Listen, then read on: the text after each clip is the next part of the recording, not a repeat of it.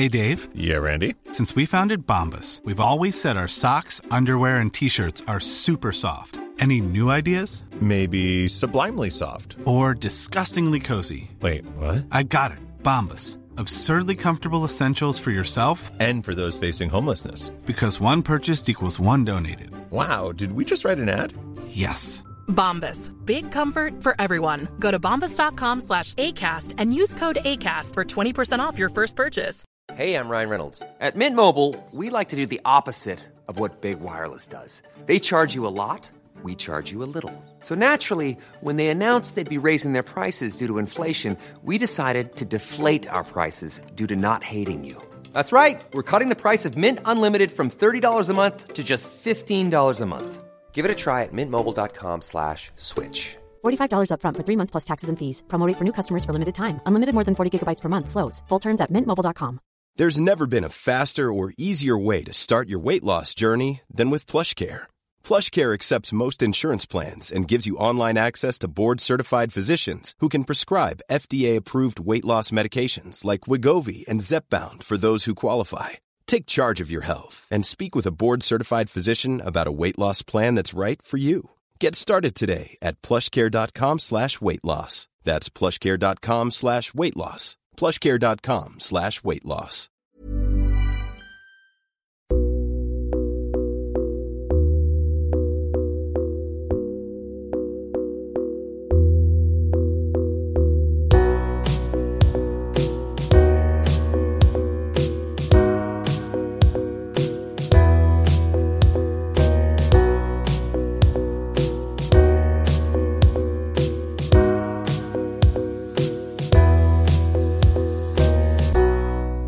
Du lyssnar på Säg vad du vill Åland, en lokal podcast med fokus på fria samtal. Jag heter Jannik Svensson och producent för podden är Didrik Svan. Vår podd består av mastodontsamtal. Vi vill ha långa samtal eftersom vi då får chansen att verkligen gå in på djupet. Idén är att fokusera på fria samtal. Det här är ingen debatt eller någon form av duell där det finns en vinnare och en förlorare. Det här är ett samtal där vi lägger fördomar åt sidan och där målet är att minska polariseringen. Vi tror att öppenhet är grunden för det demokratiska samtalet och vi vill uppmuntra dig som lyssnare att välja att exponera dig för samtal med någon du inte håller med om, hur triggad du än blir. Det kommer att diskuteras en hel del politik i den här podden och för att du som lyssnare ska slippa tänka på vad jag som programledare står politiskt kommer jag att med egna ord redovisa det för er. Jag tror på öppenhet även för min del.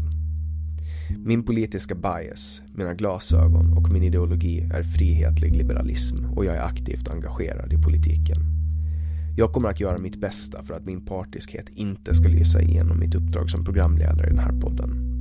Men eftersom ingen människa kan vara objektiv så hoppas jag att ni med den här informationen kan åsidosätta mina eventuella brister och misstag. Det här avsnittet presenteras av Webax, hemsidor och innehåll. Jag heter Jannik Svensson och du lyssnar på Säg vad du vill Åland.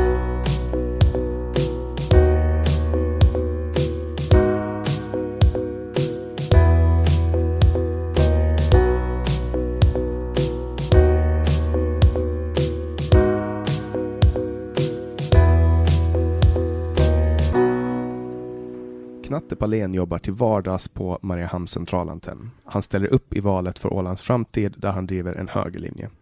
Han driver också bloggen Knattes tankesmedja som dagligen retar upp många ålänningar. Välkommen hit Knatte Palén. Tack så du ha. Heter du Knatte Palén på riktigt? Nej, det gör jag inte. Jag heter Sam Palén.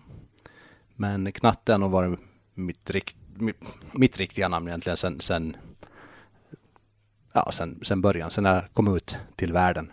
Just det, så, så du har blivit kallad Knatte hela livet? Precis. Och, och jag, jag sa att du retar upp folk, eh, ålänningar med din blogg. Gör Mm. du? Är det, är det sa- sant eller hittar jag på det? Nej, det är till viss del sant. Åsikter som inte går riktigt, följer den rätta linjen, retar upp folk. Mm. En viss del av människorna. Så, och så är det ju, alltså jag ser ju hela tiden hur folk är skitarga på dig på Facebook.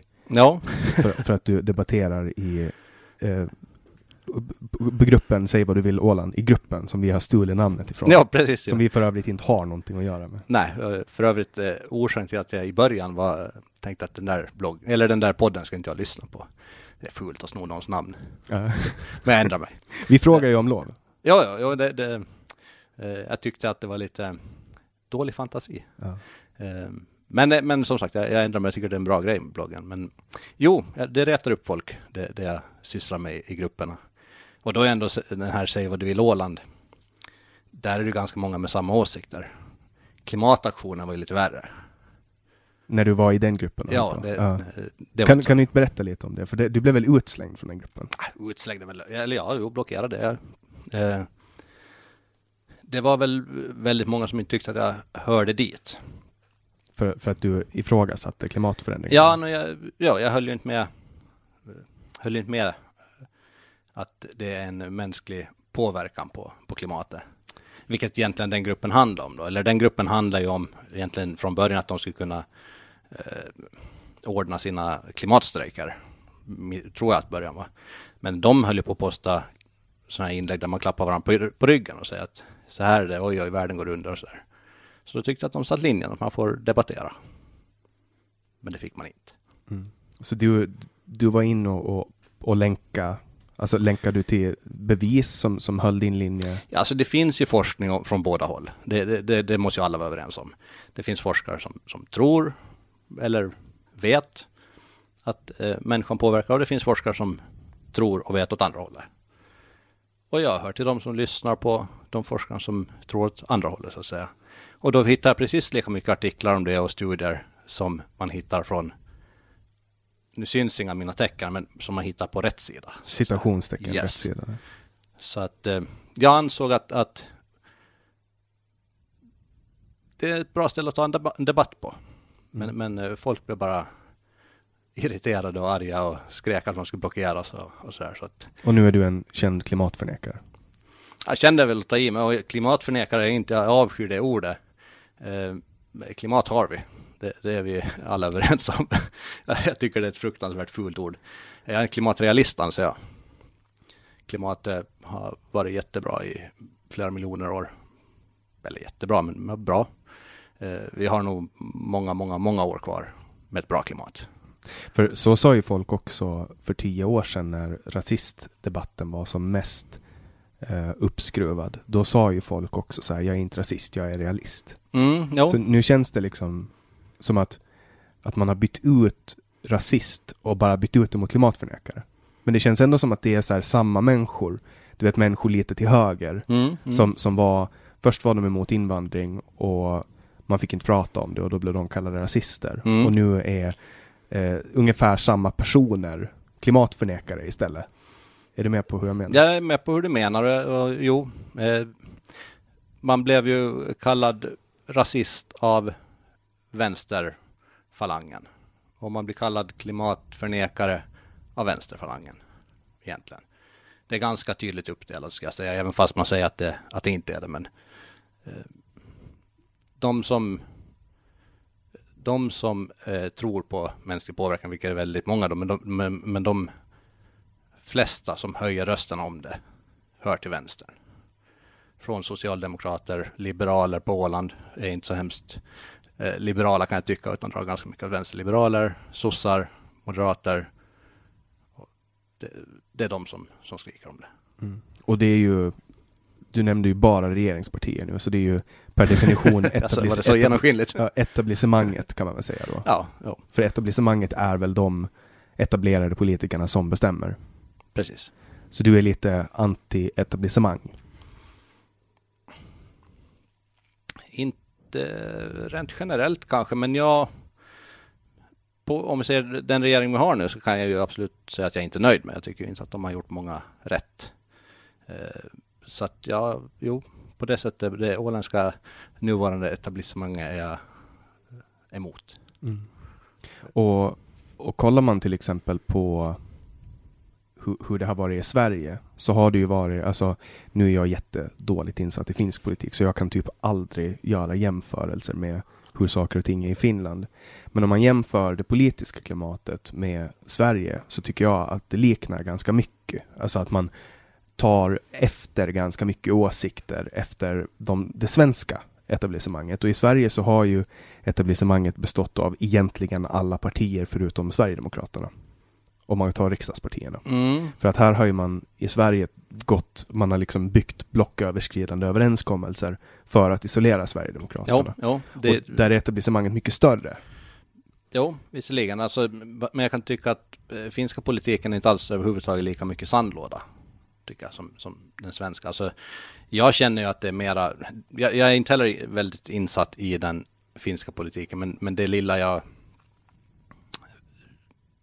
har läst och, och följt med så känns det som att de i Finland är mera, de, de kan prata med, med varandra. Alltså en, en sann finländare kan, kan prata med en socialdemokrat, nästan i alla fall. Man tog ju in Sannfinländarna i regeringen. Precis, Vil- vilket jag tyckte var väldigt smart. Ja, det Bra. gjorde ju att Sannfinländarna tappar ju, de Precis. tappar ju sitt fotfäste. Det, liksom. det, det är ju det som händer med, eh, oftast med regeringspartiet, att de tappar stöd. Så att eh, det var rätt smart ur den synpunkten. Eh, men jag tycker också det, det är bra visat att man kan, att man inte har skillnad, man måste kunna prata med alla. Eh, man, man, man ska inte säga att, att du är en sämre människa för att du har en annan åsikt. Mm. Då är man inte bättre än, än, än den människan så att säga. Och det är väl det här som har, alltså jag reagerar mycket på att, på att ordet god dyker Mm. upp ehm, i olika sammanhang. Mm. Alltså jag tänker på, jag kommer ihåg när, när den här aktivisten ehm, Elin Ersson Mm. kapade ett flygplan. Då, då såg jag det live på Facebook och reagerade på att det var väldigt många som skrev i kommentarsfältet du är så god. Ja. Och, och det är liksom, då, då liksom på något sätt så kategoriserar man in folk i kampen mellan det goda och det onda och det är ju det här klassiska narrativet som varje Disney-film till exempel Mm, går ju mm. ut på kampen mellan det goda och Ja. det onda. Allting liksom. Jag, jag har ju eh, precis den goda sidan. Jag- Där, där har jag ju, när jag, jag har skrivit ganska många inlägg om, om invandring. Jag är ganska starkt emot invandring av, av olika orsaker. Alltså invandring i allmänhet eller asylinvandring? eller Asylinvandring, alltså eh, flyktingar överlag eh, är jag ganska emot. Och, och det har sin enkla, sin enkla förklaring i det att jag, jag tycker att om det handlar om att rädda liv så är inte, då räddar vi inte flest liv genom att ta emot flyktingar. Utan då är punktinsatser bättre då. Så att då har jag blivit fundersam, ja, men varför har vi, varför tar vi emot flyktingar? Varför vill många vänsterorganisationer eh, och, och vänsterregeringar ta emot flyktingar? Vad handlar det om? Eh, och i mitt huvud så är det bara för att man ska få sträcka på ryggen och säga att jag är en god människa. Då ska, man ska vara på den goda sidan. Någon form av överkompensation. Ja, men eh, folk ska se att du, du, du hjälper den här människan i nöd.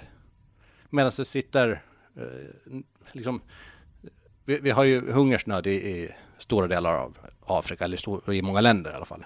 Folk dör, barn dör, men de bryr oss inte om. För att det är ingen som vet, om, om, om du skickar iväg 100 euro i månaden till Unicef och de hjälper svältande är det ingen som vet men säger att vi ska ta emot flyktingar. Då är det en god människa, för då vet de att han tycker rätt. Mm. Så det där med goda sidan, är- den blir lite väl genomskinlig ibland, speciellt flyktingpolitiken. Jag har ju hört ganska många olika sådana argument om, om punktinsatser. Att man till exempel ska hjälpa flyktingar på plats eller Mm. sluta sälja vapen eller så. Alltså att man, man på det sättet skulle kunna hjälpa folk. Men kollar man på, på det kvotsys, kvotflyktingsystemet som finns så är ju det är ju inte på något sätt orimligt. Alltså kvotflyktingar, FNs Nej, kvotflyktingar. nej, det, är ju, det är ju synnerligen få som, som kommer. Jo, jo, Den, den stora delen av, av den invandring som har kommit till Europa är ju asylinvandring. Mm, mm. Och det är ju lite skillnad därför att där kan man inte alltid ehm, göra en ordentlig undersökning i, i alltså, och det utgör ju en säkerhetsrisk Mm. eh, på, på det sättet. Men de som FN godkänner som, som flyktingstatus, det är ju jättefå. Alltså hur många hade vi på Åland? 20 stycken eller något sånt. Ja. Och det är ju en, i åländska mått, väldigt lite. Absolut, men, men fortfarande faktum kvarstår. Alltså, var, varför? Det, det, det, det låter jättehemskt när man säger det. Det låter som att man är en jättedålig person. Men jag, jag kommer alltid till den här frågan. Varför ska vi hjälpa dem? Om vi, om vi, om vi förenklar och säger att, att eh, de här 20 flyktingarna skulle kosta 100 000 euro på, för att integrera tills de har börjat eh, jobba och, och, och liksom ge tillbaka till samhället. Förenklat 100 000. Och vi, och vi hjälper 20 personer. Hur många skulle vi kunna hjälpa i Jemen, Kongo med de här 100 000? Det är oerhört många flera. Så då handlar det om att rädda liv, så då, då ska vi satsa pengar på, på andra ställen. Mm. Du, men du menar alltså att det är ett, ett, ett lite av ett hyckleri? Alltså mera spel för... Det är ett jättehyckleri. Spel för gallerierna? Precis. Typ. Eh, för att det handlar inte om att rädda liv. Och vilket jag tycker att eh, det borde handla om. Så om du till exempel kollar på, på Finland, för att nu är det ju nu är det jättelätt att försöka diskutera Sverige i och med att mm. vi av, av, språkliga orsaker gärna konsumerar svensk media. Men om du till exempel kollar på Finland, hur tycker du att Finland skötte sig under flyktingkrisen? Det, det är svårt att säga hur jag tyckte att de skötte sig. Jag har inte en aning. Jag vet att de tog in väldigt få. Men sen vet inte jag om de istället då valde att satsa sina pengar på andra ställen. Eh, jag är för dåligt insatt i, i den politiken. Eh, jag hoppas ju att det är så att de eh, gjorde andra insatser men på samma gång så är det bra, tycker jag, att man har en, en, en säker, alltså att man har ganska säkra gränser, vilket jag, jag, det känns som Finland har koll på vilka de har tagit emot. Vi har ju haft vissa eh, vissa säkerhetsrisker, alltså om man kollar på till exempel, man brukar ju ofta prata om, om eh, rikets säkerhet i form av terrorhot, mm, mm. alltså att att olika terrorceller använder flyktingvågen mm. för att, att smyga in i olika länder. Ja. Och, och om man kollar på det sättet säkerhet så, så har det ju funnits vissa Sverige följer på det. Alltså, Totalt ja. Där var det i princip motorväg in eh, ett tag. Ja, alltså han, han vad hette han, Akilov? Akilov. Han, han borde ju ha inte varit i Sverige och och här, här borde ju Migrationsverket ha, ha verkställt mm. hans, hans utvisning. Ja, men, uh. men så där har det ju funkat.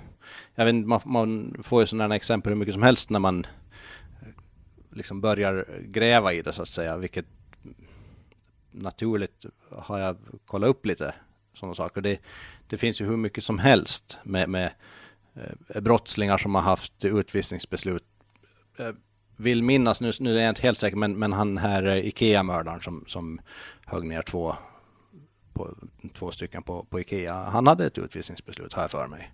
Men det har inte blivit verkställt. Så att, eh, och nu ska han avtjäna sitt straff i Sverige, eller? Det har jag ingen aning om hur det gick sen. Så, så intresserad är jag inte av att, att, att följa upp det, men, men eh, dels, alltså det finns flera sådana exempel där, där de har haft utvisningsbeslut men det, det har inte verkställts. Så, sådana människor är farliga. De har inte så mycket att förlora egentligen. Mm. Och om vi kollar på Åland då? Känner du någon rädsla över att det skulle kunna hända här? Ett terrordåd till exempel? Det är öppet mål, ska jag säga. Alltså, visst, vi har, nu måste man ju faktiskt visa sitt pass när man åker Rosella, så att, men, men eh, en terrorattack på, absolut, men kanske inte på Torggatan, men, men eh, färjorna. Det, det, sådana diskussioner har vi haft i, i vissa grupper på Facebook och, och det är flera som, som finner det märkligt att det är så svag säkerhet. Mm. Eh, speciellt nu när det, eller nu, okej okay, nu, nu är flykt, den så kallade flyktingkrisen kanske har lugnat ner sig lite men, men när det var eh, terrorhot hela tiden. Så, här. så det är klart att det känns märkligt att det är så låg säkerhet på färjorna. Mm. Kan man smuggla brännvin i en bil så kan man smuggla vapen. Ja, så är det väl. Och, och det är ju alltså det är ju ganska stora insatser som krävs för att man ska kunna um, hålla koll, alltså kolla igenom alla bilar och så. Ja. Uh, så det är ju stora investeringar. Men uh, Säpo och motsvarande nu är så, så pass oinsatt att jag vet inte vad motsvarigheten till Säkerhetspolisen heter i Finland. Men, men de är ju ganska duktiga på att hålla koll eh, på folk och de har ju väldigt många på sin radar. Ja, man får ju anta det. Man får ju anta att det är därför som det är, är eh, så dålig säkerhet i hamnarna. Så får man ju anta att de har ett bra eh, samarbete med Säkerhetspolisen och vet att det inte är någon fara då. Eh, eller så är det bara så att de väntar på att det händer någonting och sen, sen är det röntgenapparater på alla bilar. Jag vet inte. Eh, många gånger så är det ju så att det måste smälla innan det händer något. Mm. Men man får, ju anta, man får ju anta att Säkerhetspolisen vet vad de sysslar med helt enkelt. Mm. Och hur, hur eh, tycker du att det har varit på Åland? Nu har ju Åland tagit emot ett antal kvotflyktingar. Jag vet inte hur många, men jag har hört 20 stycken. Mm. Har du sett något problem med det? Under de här åren? Sen 2014 eller 2015 är det väl? Både ja och nej. Ehm, jag vet att det har varit invandrare, eller om vi säger eh, människor som inte är från Åland eh, ursprungligen, som har eh, åkt dit för, för diverse brott. Om de har varit asylflyktingar eller kvotflyktingar eller bara vanliga arbetsinvandrare, det, det, vet jag inte. däremot så tycker jag att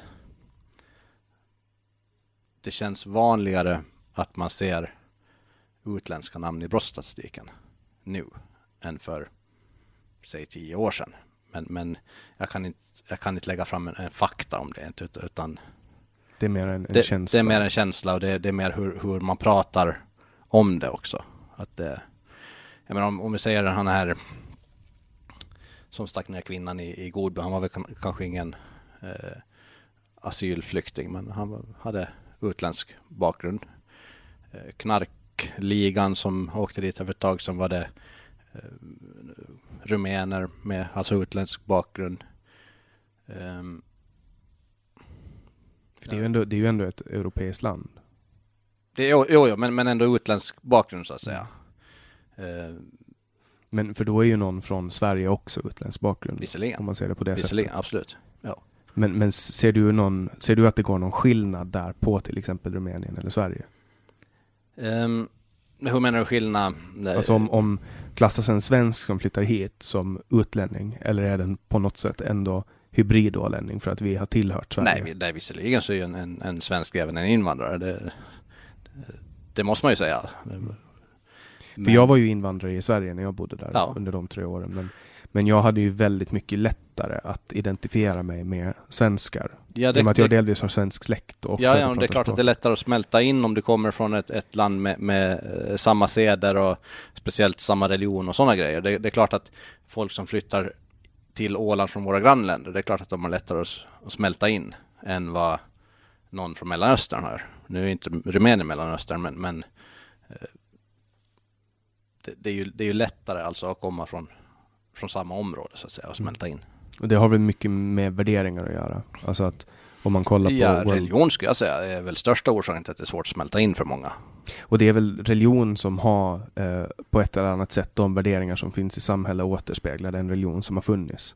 För att det är väldigt mycket mera likhet mellan till exempel Syrien och Saudiarabien än vad det är mellan eh, Syrien och Danmark. Och mera likhet mellan Danmark och Norge och till och med Danmark och USA. Ja, visst är det så. På grund av att det är religionerna som... Ja, nu finns det ju kristna i Syrien också förstås, men det, det är ju muslims, muslimsk majoritet. Så mm. att, och det är klart att det, att det styr hur ett land blir, blir uppbyggt och med vilka seder man har och För att alla lag härstammar ju på något sätt från, ja. från religion liksom. Från början, absolut. Och det, är ju, det är ju alltid Gud som har gett lagen. Både i de, båda de nämnda eh, religioner, så kristendomen och, mm, och mm. islam, så är det ju Gud som har gett ja, lagen. Tack och lov så har vi kommit så långt att vi har valt att släppa på det. Ja. Eh, vilket jag tycker att skulle vara det absolut bästa om, om eh, flera ska göra. Men det finns ju fortfarande spår. Nu har de nyligen tagit bort det, men jag har vittnat i rättegång där jag har fått svära vid Bibeln, liksom, mm. med en hand på Bibeln. Att jag, ska... Mm. jag har aldrig råkat ut för det faktiskt, så, så att eh, jag, tror att jag, inte, jag tror att jag inte skulle gå med på det faktiskt. Man får ju svära vid lagboken också, ja, men, ja. men alternativet har funnits där väldigt jo, ja, länge. väldigt länge, liksom. ja, absolut. Det, det, är en lite rolig grej när man tänker på det, så att det, det är inte så länge sedan som, som sånt fanns, så att mm. säga. Men, men som sagt, vi har kommit lite längre nu i vår utveckling så att vi har förstått att lämna sagor bakom oss. Jag är ju inte helt, alltså det här kan vara jag, jag reserverar mig för att det här kan vara ett ef- efterhandskonstruerat minne, men jag är tämligen övertygad om att vi på mitt dagis i slutet på 90-talet bad bordsbön. Mm, ja, men det gjorde vi också. Eh, Jag har sagt den där tack gode gud för maten, amen tack eller vad man ska säga. Och, och sånt där. Så att, eh, och jag är född 80 så att eh, jag gick på dagis. Slut. Mellan 84 och 86 då typ. Ja. Jag, jag, det kan vara, jag har, jag har faktiskt minnen av att jag har bett bordsbön, men som sagt, det kan vara någonting som jag bara hittar på så här. Ja, nå, det, det lever ju faktiskt kvar eh, lite ännu. Jag var, vi har hållit på att skola in vårt eh, yngsta barn på dagis. Eh, och jag blev lite förvånad för att efter vi hade ätit lunchen så skulle vi tacka för maten. Då ska alla knäppa händerna. Eh, det, var, det var ingenting att, att vi skulle säga något tack gode gud för maten, men, men eh, händerna var knäppta i alla fall. Mm. Vilket jag eh, faktiskt höll mig från att säga någonting om, men, men Men det sitter nog kvar från det är början. något som sitter kvar från, från, att, från den där bordsbönen. Man har tagit bort orden, men liksom Precis, men händerna ska vara knäppta. Så att, nej, men jag, jag höll mig från att säga något den gången, men, men jag lät faktiskt min son ha händerna där han ville. Hamnar du, i, hamnar, Civil olydnad. hamnar du lätt i konflikt med folk? ja, det ska jag väl säga. Eller diskussioner, absolut. Eh, konflikter. Väldigt många människor är oerhört konflikträdda, så jag kan inte säga att det händer ofta att, att jag hamnar i konflikt med någon. Det, det är mera så att jag, jag kan väl säga att jag har väl tappat en stor del av eh, mina gamla vänner eh, som kanske väljer att inte gå i konflikt utan de håller bara inte med mig och, och, och då trillar de bort, vilket är väldigt tråkigt. Men, men eh, Det är väl politikens pris liksom. Ja, alltså åsikternas pris. Eh, Det har väl ingenting med politiken att göra. Det har att göra med att jag är inte rädd för att säga vad jag tycker. Jag- Jag har mycket åsikter, mycket starka åsikter. Eh, Och det kan folk tycka att det är jobbigt. Mm. För, att, för att citera Dan Eliasson, som jag kan tänka mig att du tycker väldigt mycket om. eh, vad för trauma har du upplevt som har gjort dig till en så provokativ människa? Eh, Jag skulle vilja säga att jag, att jag tänker lite för mycket ibland. Men Jag, jag övertänker, eller kanske inte övertänker, men eh, den, den stora massan tror jag inte tänker alls. Eh, Och sen finns det de som tänker lagom, eh, vilket är de här väldigt eh, smarta människorna som kommer långt. Och sen finns det de där som, som tänker kanske lite för mycket på saker ibland. Och, och, och jag hör nog dit. Ehm, det behöver inte vara en, en nackdel. Jag tycker inte att det är en nackdel egentligen för mig. Men, men det gör ju också det att man ser mycket hyckleri till exempel som vi nämnde här tidigare. Det, det är en av de värsta sakerna jag vet, det är hyckleri. Um, bara en sån sak som när vi diskuterar, också på Facebook, det är ju, det är ju där alla de diskussionerna egentligen tar plats nu för tiden. Eh, så var det en diskussion huruvida det var rätt eller fel av Jysk, eh, eller av Salminen att anmäla Jysk eh, när de körde sitt finska race då, istället för att följa näringsrätten. Och då, folk, det finns från, från bägge läger. Det finns de här som tycker att, äh, vad fan, låt dem köra sitt, vad, vad spelar det för roll att de pratar finska? Vi har ju Jysk här i alla fall. Och så finns det de som, som skriker om att det ska vara fan av vara någon finska på Åland, vi pratar svenska och punkt. Och, och i ett sånt läge så blir jag så här, egentligen fan låt dem prata svenska eller finska, vad det, det, spelar, det spelar ingen roll. Men så tänker man lite längre så, ja men om vi ger dem lillfingrar och låter dem sköta sitt på finska. Och så finns det någon av de här då eh, inflyttade som kanske vill öppna en eh, musli, muslimsk butik, eh, arabisk butik och kör allt på arabiska och det är reklam på arabiska. Det kommer... Är det okej okay då? Och vad tycker du som, som tycker att finska är okej? Okay? Tycker du att det är okej okay att ha arabiska också? Eh, och, och, och då... Jag, jag kan tycka att finska, det skär i mina ögon, men, men jag kan tycka att det är okej okay, i vissa fall. Ja, vi är ju en del av Finland liksom. Vi är ju det, tyvärr. Eh, Men Tyvärr. du är Ålands framtid. Så. ja, jag, jag ska gärna eh, se att vi inte var det, men, men ja, men sak samma. Men det skulle, det, jag skulle inte vilja få hem reklam i postlådan på arabiska. Jag skulle inte vilja höra arabisk reklam på radion. För att jag tycker inte att det hör hemma här. Är det samma med isländska eller är det just arabiska du tycker att det är obehagligt? Nej, alltså det, med alla utländska språk egentligen. Jag tycker inte att Okej, okay, engelska kan väl vara sin sak om man vill flasha till och prata engelska på någon reklam. Men, men eh, själva grejen är att jag tycker vi ska hålla hårt på vår svenska. Och även om jag tycker att, att det kan vara en liten bisak där med finska så kan det även om man ger lillfingret till finskan så kanske man ger armen till isländskan eller till arabiskan. Eh, och, och, det tycker inte jag är okej. Okay. Jag tycker vi ska vara hårda på vår svenska som vi har på Åland, för det, det är en ganska speciell grej. Mm. Och du nämner du nämnde det här med massorna. Eh, du pratade om, om massorna tidigare. Det påminner väldigt mycket om uh, Animal Farm av George Orwell. Har du läst den? Mm, nej, det har jag inte gjort. Den är väldigt intressant. Det var han som skrev 1984. Ja, ja han, han känner till den. Jag har dock inte läst den där.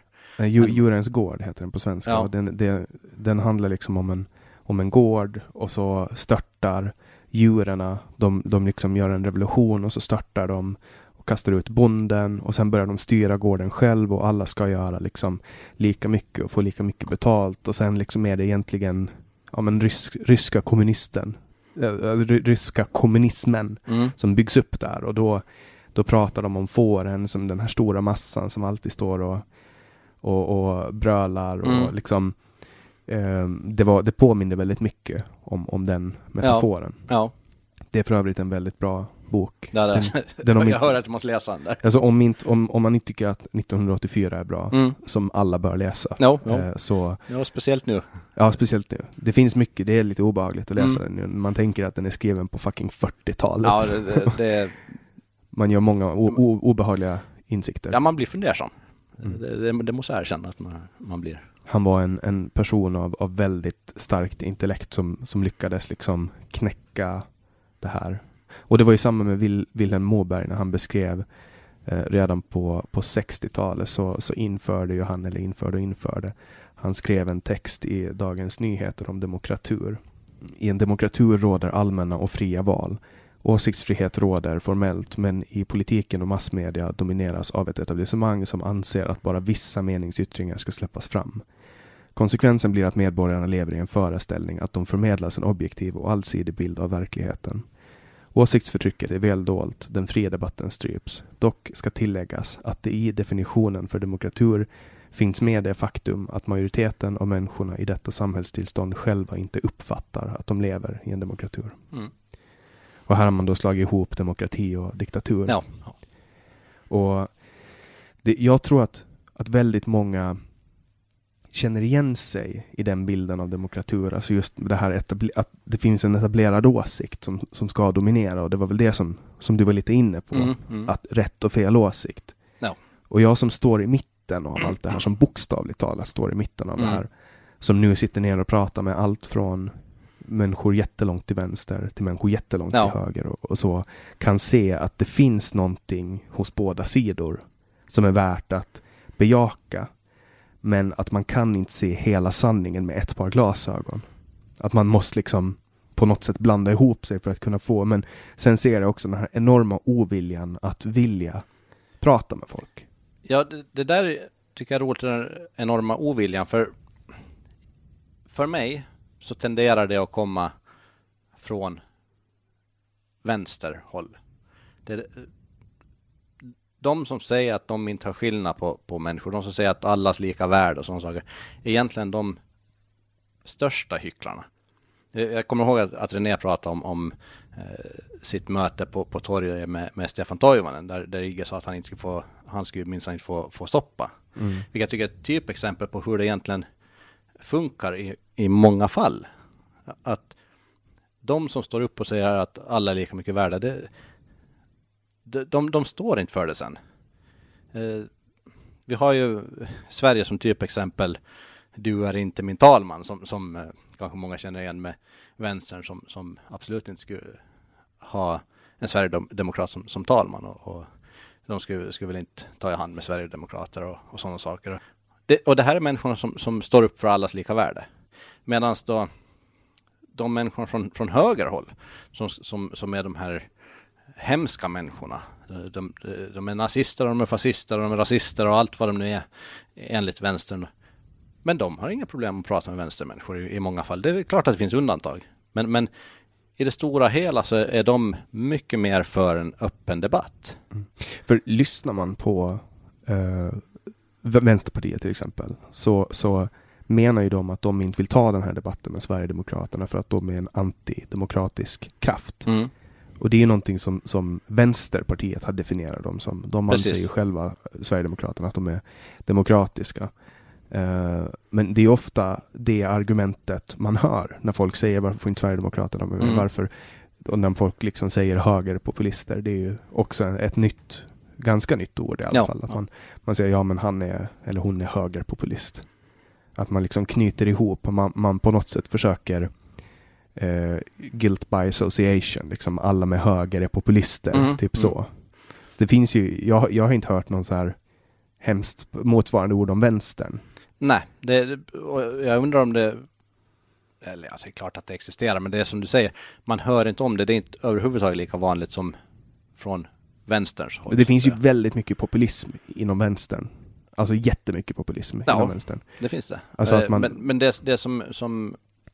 Men man säger ju aldrig vänsterpopulist. Jag hör inte vänsterpopulister. Nej, nej man, man, hör, man hör inte talas om det. Eh, men det är ju också för att eh, det är ju det här goda hatet som kommer fram. Alltså du, du, tycker, du, tycker du rätt så får du säga vad du vill egentligen och alla accepterar det och, och håller med. Du kan till och med få en klapp på axeln för att du kallar någon för rasist som, som överhuvudtaget inte alls kanske har någonting emot folk med utländsk härkomst. Men, men du får kalla den personen för rasist för att, för att den personen inte håller med i dina åsikter. Eh, och, och, och, det är helt okej okay av den stora massan. Mm. Och, och sånt där kan, kan röra upp oerhörda känslor i mig. Man blir, blir ilsken när man, när man hör, hör om det och ser det. Och, och ja, nej det...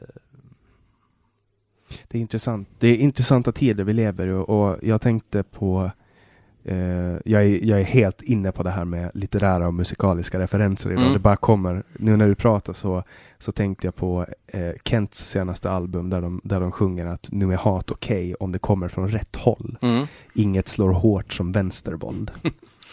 ja. uh, och, och vänstervåld, det pratas ju ganska lite om, om vänstervåld. väldigt, väldigt lite. Det, det ser man om man lite beroende på, jag är med i väldigt mycket grupper på, på Facebook, både inte, inte vänsterextrema grupper, inte för, för eh, det ska man passa sig för.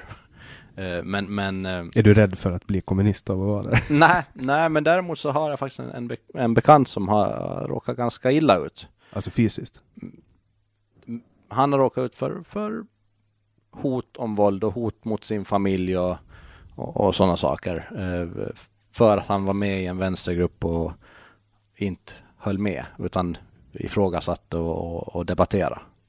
Eh, så att faktiskt, jag håller mig ifrån sådana grupper. Eh, inte kanske av rädsla, men, men kanske av helt enkelt Överlevnadsinstinkt.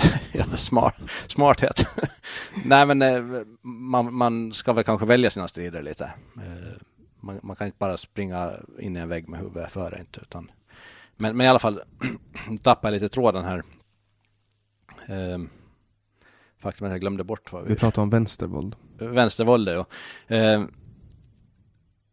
det, det finns mycket när man börjar, när man ser de här eh, olika eh, demonstrationerna i, i, Sverige när NMR är ute och demonstrerar eller när, när andra organisationer där det blir bråk. Eh, så skriver man ju ofta om att det Eh, rasister fascister som, och, och högerextrema som blir haffade av polisen. Men börjar man gå in på deras grupper och se hur, hur pratet går så det är många gånger som det är det är ju vänsterorganisationer som är mot demonstranter. Man kallar dem aldrig för vänsterextrema utan man kallar dem för motdemonstranter. Och det är många gånger därifrån det börjar hagla stenar och, och, och sådana saker.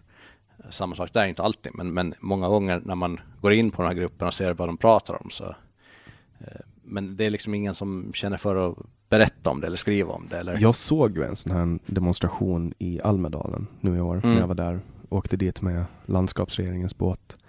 Och eh, när jag var på väg tillbaks till båten en dag så stod Nordiska motståndsrörelsen där eh, och hade en, en demonstration. Och då tänkte jag att men kan vara kul att se lite slagsmål, liksom, se vad som händer. Mm. Och eh, då var jag där under demonstrationen och det var fyra, fyra fem, kanske sex gånger flera motdemonstranter.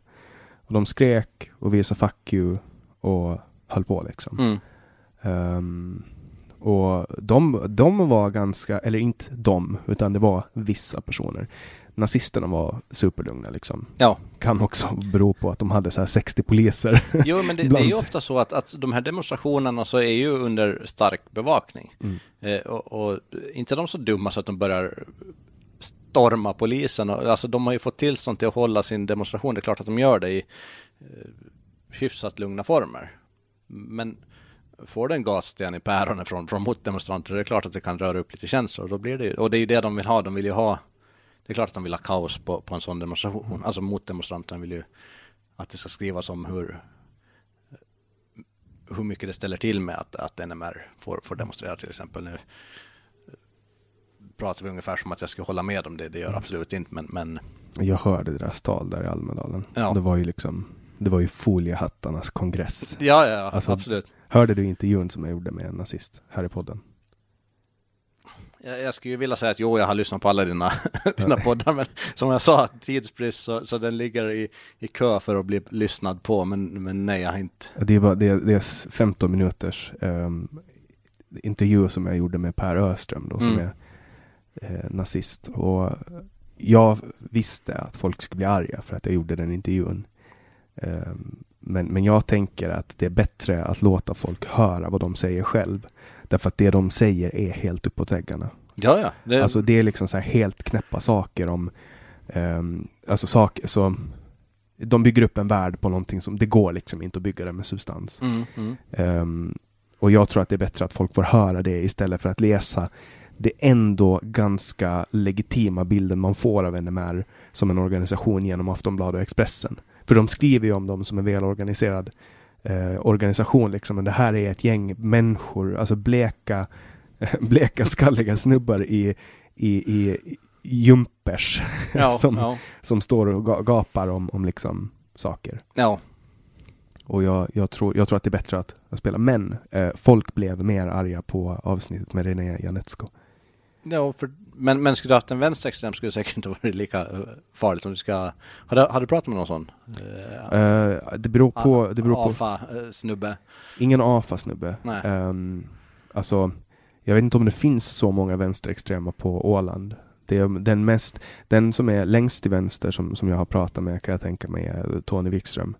Mm. Och, och han är ju ingen eh, person som går runt på gator och torg och kastar sten på folk. Inga vet, inga vet ju vad han gör när det blir mörkt. Förlåt Ja, Tony. men då, då står han på arken och spelar bas. ja. Så jag tror... ja, nej men, men eh, det skulle vara roligt att se alltså om, om, eh, om det skulle bli lika upprörda känslor, för jag tror inte att det skulle bli det. Mm. Eh, För att vänster, vänstra våld är ju mer accepterat, det, det goda hatet som sagt. Så att, Men finns det någon vänsterextrem på Åland då? Som man skulle kunna bjuda in? Ingen aning faktiskt. Det finns folk långt till vänster, det vet jag. Ja, eh, det, har, ju- det var ju några klisterlappar uppe från de vänsterorganisationer här förra, förra sommaren. Eller vad? Men, men jag, jag vet inte riktigt vad, Mm. vad det finns för, för gängar. Det finns säkert om, om man letar, om man lyfter på stenarna. Mm. Ja, det är, ju- Åland är ju ganska litet. Och, Ja. och det finns ju liksom, det finns ju inte heller vad jag vet i alla fall någon, någon uttalad nazist på Åland. Nej, det tror jag inte. Alltså, eh, det, det finns höger och vänster människor på, på Åland, men inte finns det liksom, vi har ju inte, vi har inte de problemen ännu.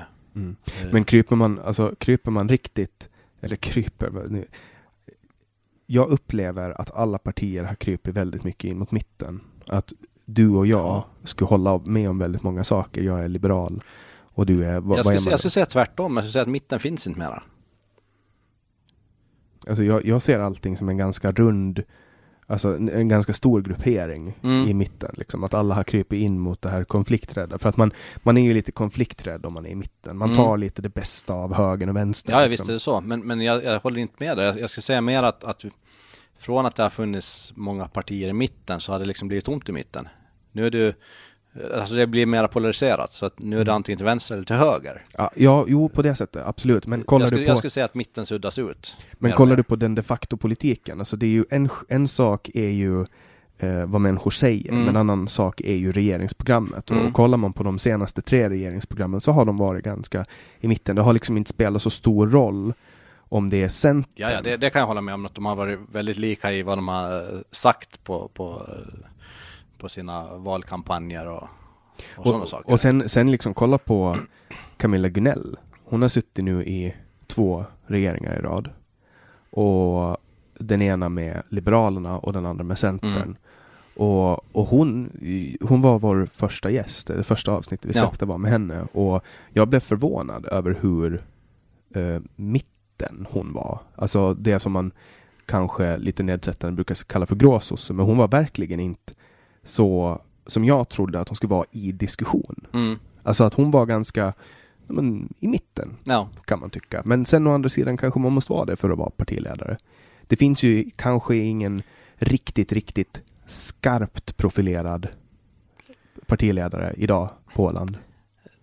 det, alltså du, partiledarna de, de säger ju det de, de får säga helt enkelt. Inte, inte vågar de ta sig ton. Men man måste, man måste samla upp liksom. Och så är det väl också i Sverige. Det är väl det som har gjort att Jimmy Åkesson har blivit så populär. Att han är den enda som inte har behövt spela efter regelboken. Han, han är ärlig. Han, han eh, säger ju det han vill säga utan att vara rädd för att någonting ska... Ja, han blir inte av med sitt jobb så att säga. Nej. Och det är väl samma med Donald Trump också. Mm. Som gav honom övertaget över Mm. Hillary Clinton. Ja, det visar också ganska tydligt att folk uppskattar eh, ärlighet. Mm. Eh, att man, man inte... Vi kommer tillbaka till det, att man inte hycklar helt enkelt. Eller man, så var man det står bara så att det. Eh, amerikanska folket hatar Hillary Clinton. Alltså, hon är ju inte så populär egentligen om man kollar. Nej, det är hon ju inte. Alltså, hon- är ju en... en eh, ja, vi ska inte tala allt för illa om henne, men, men hon är ingen bra människa. Mm. det, men men jag, jag kan ärligt säga att, att i, i början av presidentvalet så framstod Trump som en total clown för mig. Och Jag fattar inte, vad håller de där jänkarna på med? Eh, men det var egentligen för att jag följde ju TV4-nyheterna och SVT och, och sådana saker. Men börjar man sen eh, kolla upp lite mer. Det är ju det, alltså nät är ju, det är ju helt underbart. Man kan kolla upp vilken nyhetssajt man vill. Eh, och han är ju faktiskt rätt smart ska jag säga. Han har gjort ganska många bra saker hittills. Ja, man, man är ju... Bilden av honom är ju att han är en Pelle Jöns. Ja. Han är ju, han är ju en väldigt speciell, alltså som person. Han är en kuf. Ja, det är ett ganska bra sätt att, att, beskriva honom. Och han är ju Men- väldigt men- tövlig. Ja, men sen om man ser till vad han har gjort. Det är lite lustigt också. Alltså nu har ju då eh, Amerika väldigt, alltså deras arbetslöshet går ju neråt. Eh, sen han kom till makten då. Eh, så vitt jag vet har han inte startat något krig ännu. Inte ännu nej. Han har startat färre krig än, än Obama gjorde. Ja, eh, det var lite dit jag ville komma. Men liksom, och, och de drog sig ur Parisavtalet, men de har ändå liksom eh, sänkt sina utsläpp. Eh, så att Det kanske var lite så här. Jag kan ju tycka att, att det var lite dumt att dra sig ur Parisavtalet för att det gör att, att ganska många andra kan känna att de också kan göra det. Ja, men om... Jag tror inte att han bara liksom hade nerverna på avtalet och tyckte att det var ett dåligt avtal att sig ur, utan jag tror att han har ganska bra rådgivare också. Det, det är samma sak där.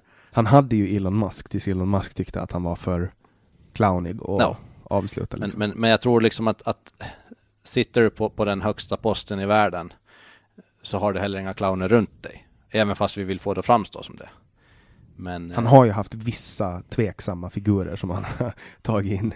Men de har ju fått gå. Det, Jo, jo, alltså det, det funkar väl som, som vilken plats som helst, alltså vilken arbetsplats som helst. Sköter du inte så går det. Eh, och många har ju fått sparken, eller vad vet vi varför de har gått därifrån, men, men Men sen det var ju typ det här med hans advokat och porrstjärnan. Alltså att han har legat med en porrstjärna eh, och sen betala henne under valkampanjen för att inte säga någonting. mm, mm. Men då känner jag samtidigt så här att varför skulle inte han kunna få ligga med en porrstjärna och vara president? Det alltså har- Bill Clinton ju- fick ju ligga med en praktikant och fortsätta vara president. Alltså, Och, och sen, sen fick Bill Clinton komma hit och, och visa upp sig också. Ja. Utan att någon tyckte att det var något konstigt med det. Ja. en bra människa. Och nu, nu läste jag i dagarna om, om han här miljardären.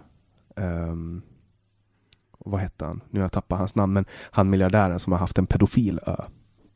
En pedofil, det där är nog jag har missat Okej, och okej, hållet. du har missat det. Då ska, jag- då ska jag dra en kort recap med, med hänvisning till att alla som hör på min recap vänligen eh, uppsök källor och för att söka en mer nyanserad bild av det här. För att här kommer en ganska kortfattad introduktion till den här miljonä, miljon, miljon, miljardären som heter Epstein, heter han. Samma namn som, Ah, jo, jo, jo. Sorry. Mm. han hade ju samma namn som, som Beatles manager. Ja, men ja. Ingen vet riktigt varför han är rik. Um, han har tydligen sysslat med investeringar, men ingen, alltså, han har ingen riktig track record och så, men han har i alla fall haft en ö där han har haft väldigt, väldigt unga tjejer som han och hans gäster har förgripit sig på sexuellt. Han åkte fast för det här och fick 18 månader i fängelse. Men han fick vara på ett fängelse i Kalifornien eller Florida som var ganska öppet. Han behövde inte vara inlåst. Han fick lämna fängelse flera gånger i veckan. Ehm, det var liksom kanske inte riktigt som ett fängelse. Och Bill Clinton har då besökt han här personen, Epstein, och sagt att han har besökt honom fyra gånger, men egentligen så har han besökt honom över 20 gånger och det kunde man se liksom på, på records, eh, flight records. Mm. Och, och sen då så åker Epstein fast.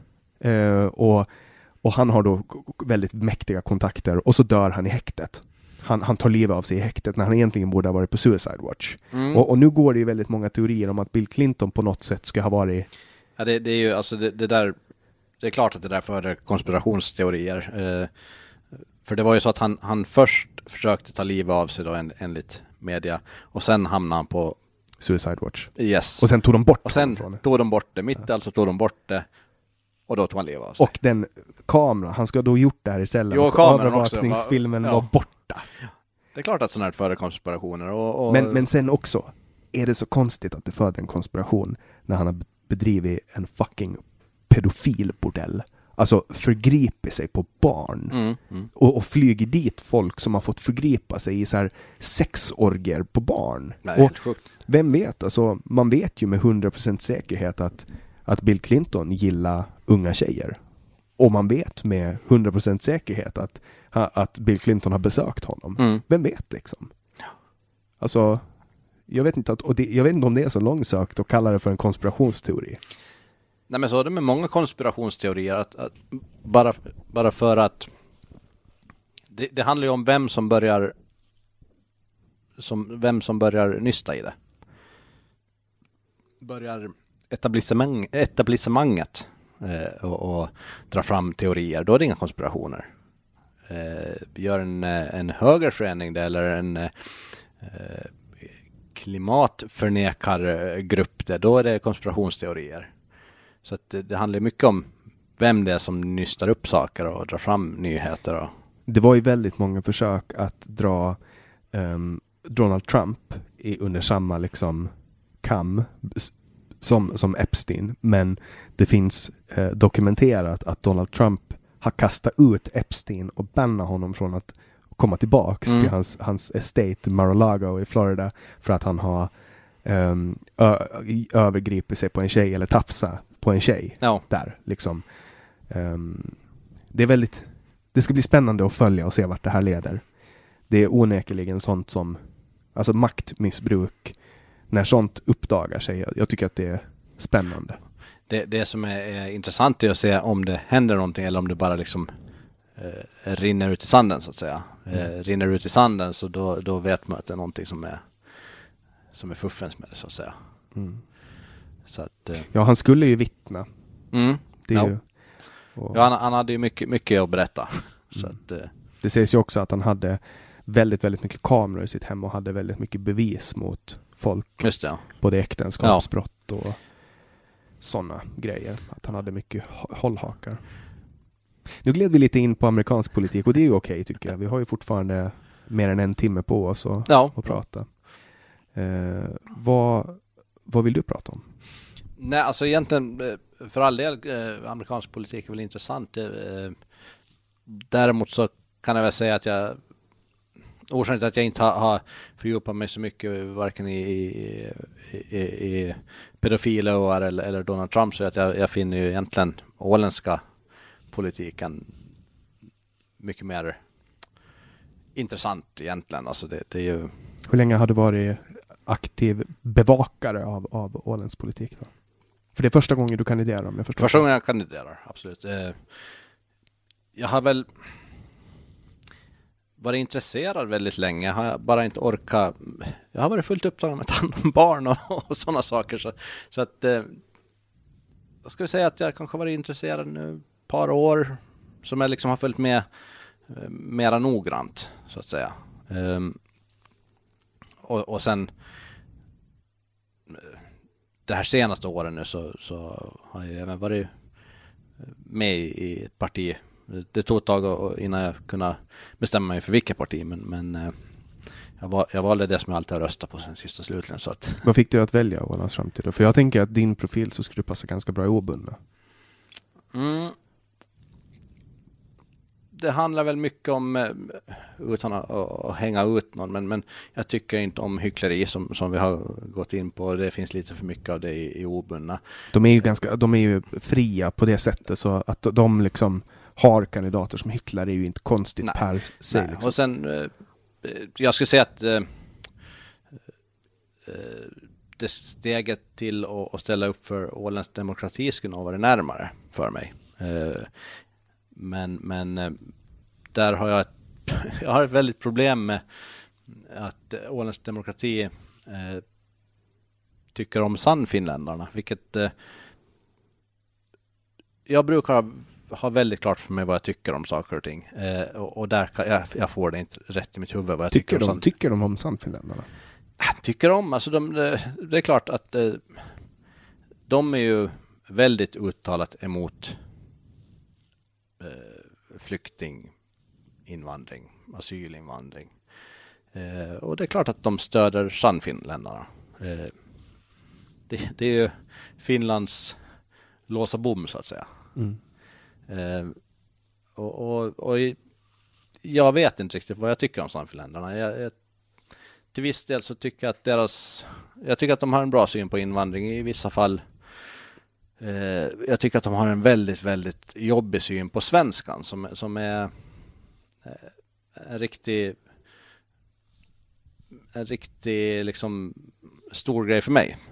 Svenskan är en av sakerna som är riktigt brinner för i den åländska politiken.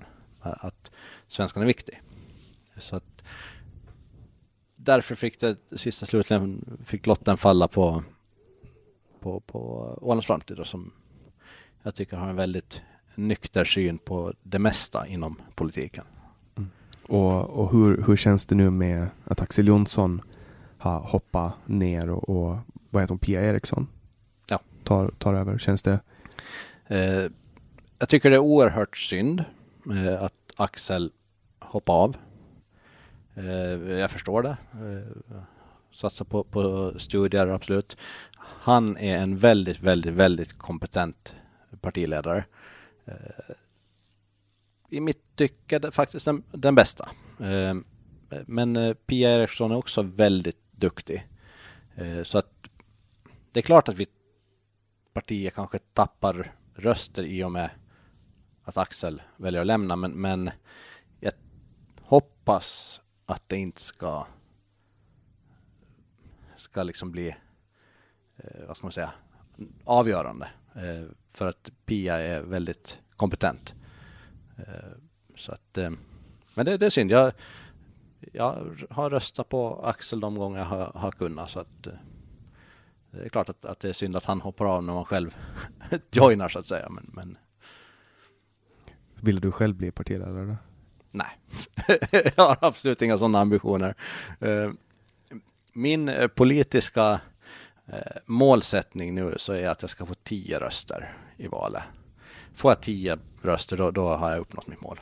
Mm. Eh, får jag mer så blir jag ju oerhört smickrad. Eh, får jag färre så då tänker jag börja gå runt och fråga mina kompisar vem som inte röstar på mig. tio röster känns ju som att som att det är uppnåbart liksom. Mm, jag Speciellt, tycker- jag speciellt nu när, när jag har bjudit in dig i värmen här i Ja, egentligen så kanske jag borde säga nu 20 röster då, efter det här. men, nej, men jag, jag tycker att eh, jag gillar att, att liksom sikta mot realistiska mål. Eh, då blir man, eh, når man högre så, så blir man ju väldigt, väldigt glad. Mm. Eh, givetvis, men, men eh, som sagt, eh, 10 röster har varit mitt uttalade mål sen jag bestämde mig för att ställa, ställa upp. Så att, Eh, jag var 20 när jag ställde upp första gången då. Eller om jag var 21. hur många röster fick du då? Kan du gissa? Vad tror du? 12? 12 röster. Jag vet inte. Jag, jag, Öka på det med fem gånger. det är sant. Ja. Så du kom upp till, till 60, 60. 67 röster fick jag på valdagen men eh, efter kontrollräkningen så blev det 65. Så det var fler röster än eh, eller ska, så här, ska jag ställt upp i Socialdemokraterna eller obundna så ska jag komma in.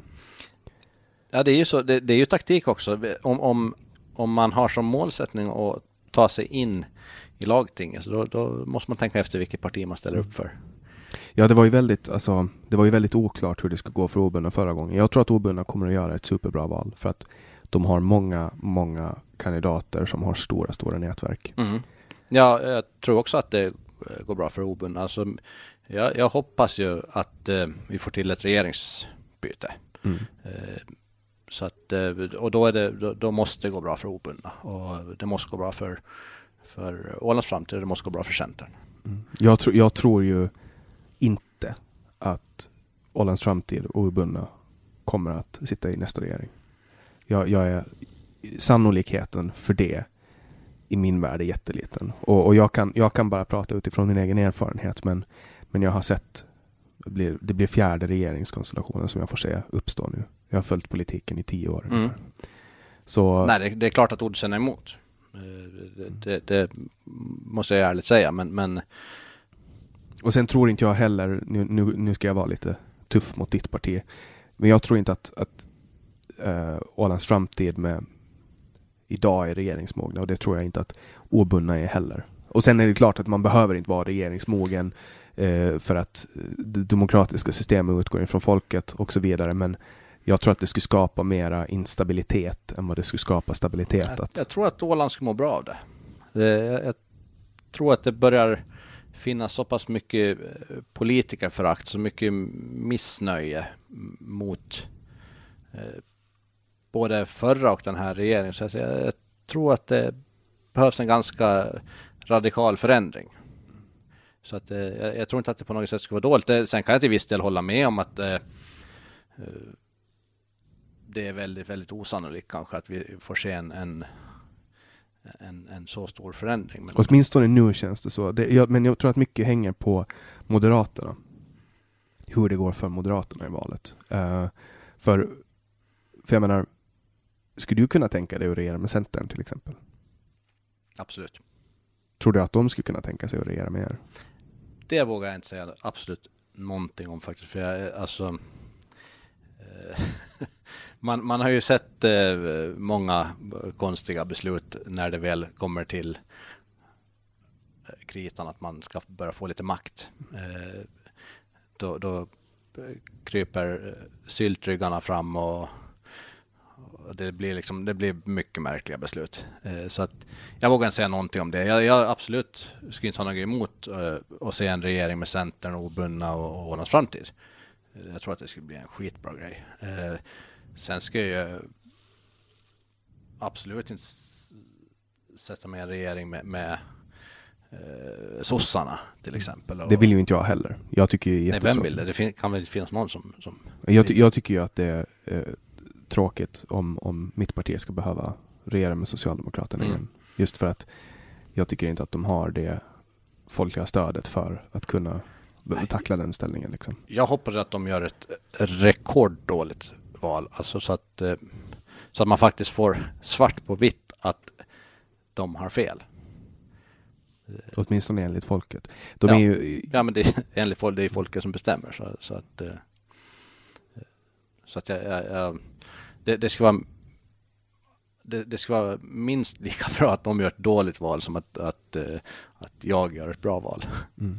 jag, jag tycker att, att um, anledningen till varför jag inte vill ha uh, Socialdemokraterna i regering, om, om vi utgår ifrån att jag då kommer in med Liberalerna och regerar, uh, är att jag, jag, tycker att, att vi behöver vända på den här kollektivistiska vågen som, som har, har trendat när folket uppenbarligen, fler personer, vill gå åt det individualistiska hållet. Mm, mm. Kolla på Sverige också. Det var flera personer som röstade för högerpolitik. Uh, och det slutade med att vissa allianspartier vek sig och gick över och släppte igenom en vänsterregering mm. istället för att vänstern skulle vika åt folkets L vilja. Lite som att Moderaterna blev stödhjul åt, åt uh, sossarna här nu. Ja, och så blev utfallet och jag tycker att det är jättetråkigt. Men kollar man också på Moderaternas politik. För mig är det en jättestor paradox att Ville Valve, som är moderat, har suttit som social och hälsominister medan Camilla Gunell har suttit som näringsminister. Att det borde ha varit tvärtom. För att mm. um, det är bara så min logik. Jag bara får inte att gå ihop. Och jag tycker att, att Ville Valve på, på sin post har drivit en ganska...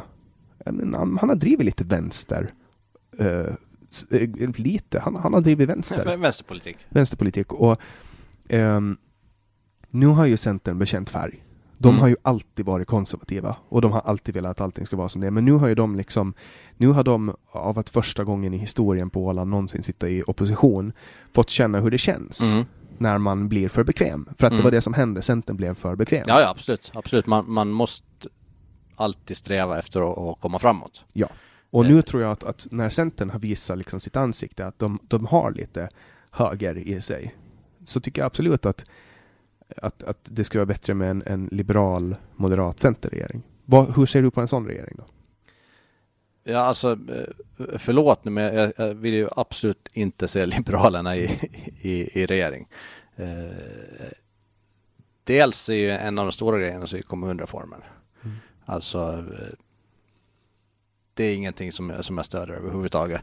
Eh, och jag hoppas att, att regeringspartierna tappar oerhört mycket stöd på grund av det. Eh, för mig är skärgården viktigare.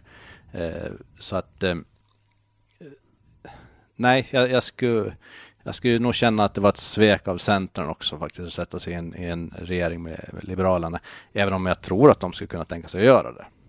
Och jag kan förstå din frustration. Uh, men, nu kommer men, men. Uh, som ändå på något sätt är obli obliged att, att försvara regeringens linje, är att väljarna efterfrågar en kommunreform och de rösta efter en kommunreform. Och alltså en sån här stor reform, det finns ingen reform någonsin som har gått förbi friktionsfritt. Speciellt inte när det kommer till sådana här nej, saker. Så är det, så är det. Och, och, och jag tror att om obundna och Ålands framtid och Centern ska ratta den reformen så skulle ni ha haft lika mycket haglande ilska mot er. Ja, att det, reformer det, skapar ilska liksom. Ja, ja så är det. Och, och det, är, det är ju det som, som händer, alltså regeringspartier tappar stöd. Ja. Eh, så är det. det nio fall av tio så, så det, går det, ja, okej nu, nu, nu säger jag det utan att ha, ha fakta på fingrarna men, men ofta så går det den vägen. Mm. Att, att uh, man tappar stödet. Så att det, det, är ju det är ju mitt hopp nu att, att, att det har, folk har insett att den här kommunreformen är ingen vidare bra grej. Uh, så att uh, och, och, då känns det som att då kan det gå bra både för obundna och Ålands framtid. Hur vill du att, att kommunstrukturerna ska vara? Ja, egentligen så, så ser jag inte något problem med hur det är nu. Det är klart att det finns, finns problem, men, men jag tror inte att, att man eh, övervinner de problemen genom att bara bunta ihop allt i en stor kommun. Inte. Eh, jag tror att man måste eh, låta kommunerna till att börja med gå ihop av, av, av fri vilja. Och det gick ju inte. In, in, inte nej, eh, och då tycker jag att man får försöka hitta andra vägar helt enkelt. Jag kan inte säga att jag är tillräckligt insatt i och, och här berätta hur vi ska lösa det. Mm. Eh, men eh, tvång är aldrig enligt mig en bra lösning. Eh, tvång och lagar som säger att du får inte göra si och du får göra inte så eh, i många fall det, det hindrar utvecklingen ska jag säga. Och hindrar liksom viljan till att och, och, och vilja utvecklas. Mm. Och pr principiellt så, så håller jag med dig där. Och jag är ju en, eh, en liberal i bemärkelsen att jag är en del av det liberala partiet. Eh, men jag är väldigt liberal. Mm. Eh, och jag kan tycka att, att det i mitt parti jag, jag säger ofta jag kan tycka, jag vet Mm. inte vad det är. Det är någon sån här, det är någon sån här eh, konflikträdd del i mig som har bara, du vet, lingvistiskt korrumperat Mm. mig. Eh, men jag tycker att det i mitt parti, och tycker mig känna, att det finns både höger och vänstervindar. Och den liberala ideologin eh, är höger. Därför att frihet och fri marknad Mm, är per mm. definition höger. Eh, nu är inte jag så konservativ. Jag är ju ehm, neofil, blir det. Ne- Neofob är de som tycker illa om utveckling och, och nya saker och neofil är de som älskar det Mm. på ett obehagligt sätt. Och jag älskar nyheter, liksom saker som är nya och utveckling etc. Ja. Eh, så jag tycker att, att det, det, det, är för, det är lite för mycket vänster i mitt eget parti. Mm. Men å andra sidan så blir det så i alla partier. Jag tror att man skulle lösa det här om man bara eh, jag har ju ett förslag ute på bordet att man, att man ska avsluta personröstsystemet och bara rösta på partier. För då ska man, då ska partiet bli tvungen att ta en ideologisk linje och då ska man inte hålla på att samla massa människor under ett tak. För nu går ju en, en lyckad valkampanj går ut på att man är bäst på att rekrytera kandidater. Alltså typ som Ja. Ulf Weman till exempel.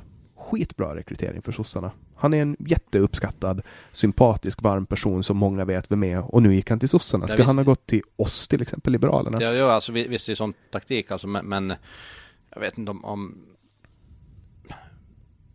bara personröster skulle väl också vara ett bra system egentligen. Alltså att du kommer in enbart på personröster, skit, skit i partipolitiken så att säga. Ja, men det är ju så det är idag. För Det- nu är ju partierna ju listor. Det finns ju inga partier per definition här, utan det är ju valförbund. Mm. Så partier, det är ju bara någonting som vi kallar det. Ja, ja, ja. så här, som att vi kallar landsstyre, landskapsstyrelseledamöterna Ja. för ministrar för att det är lite flashigt.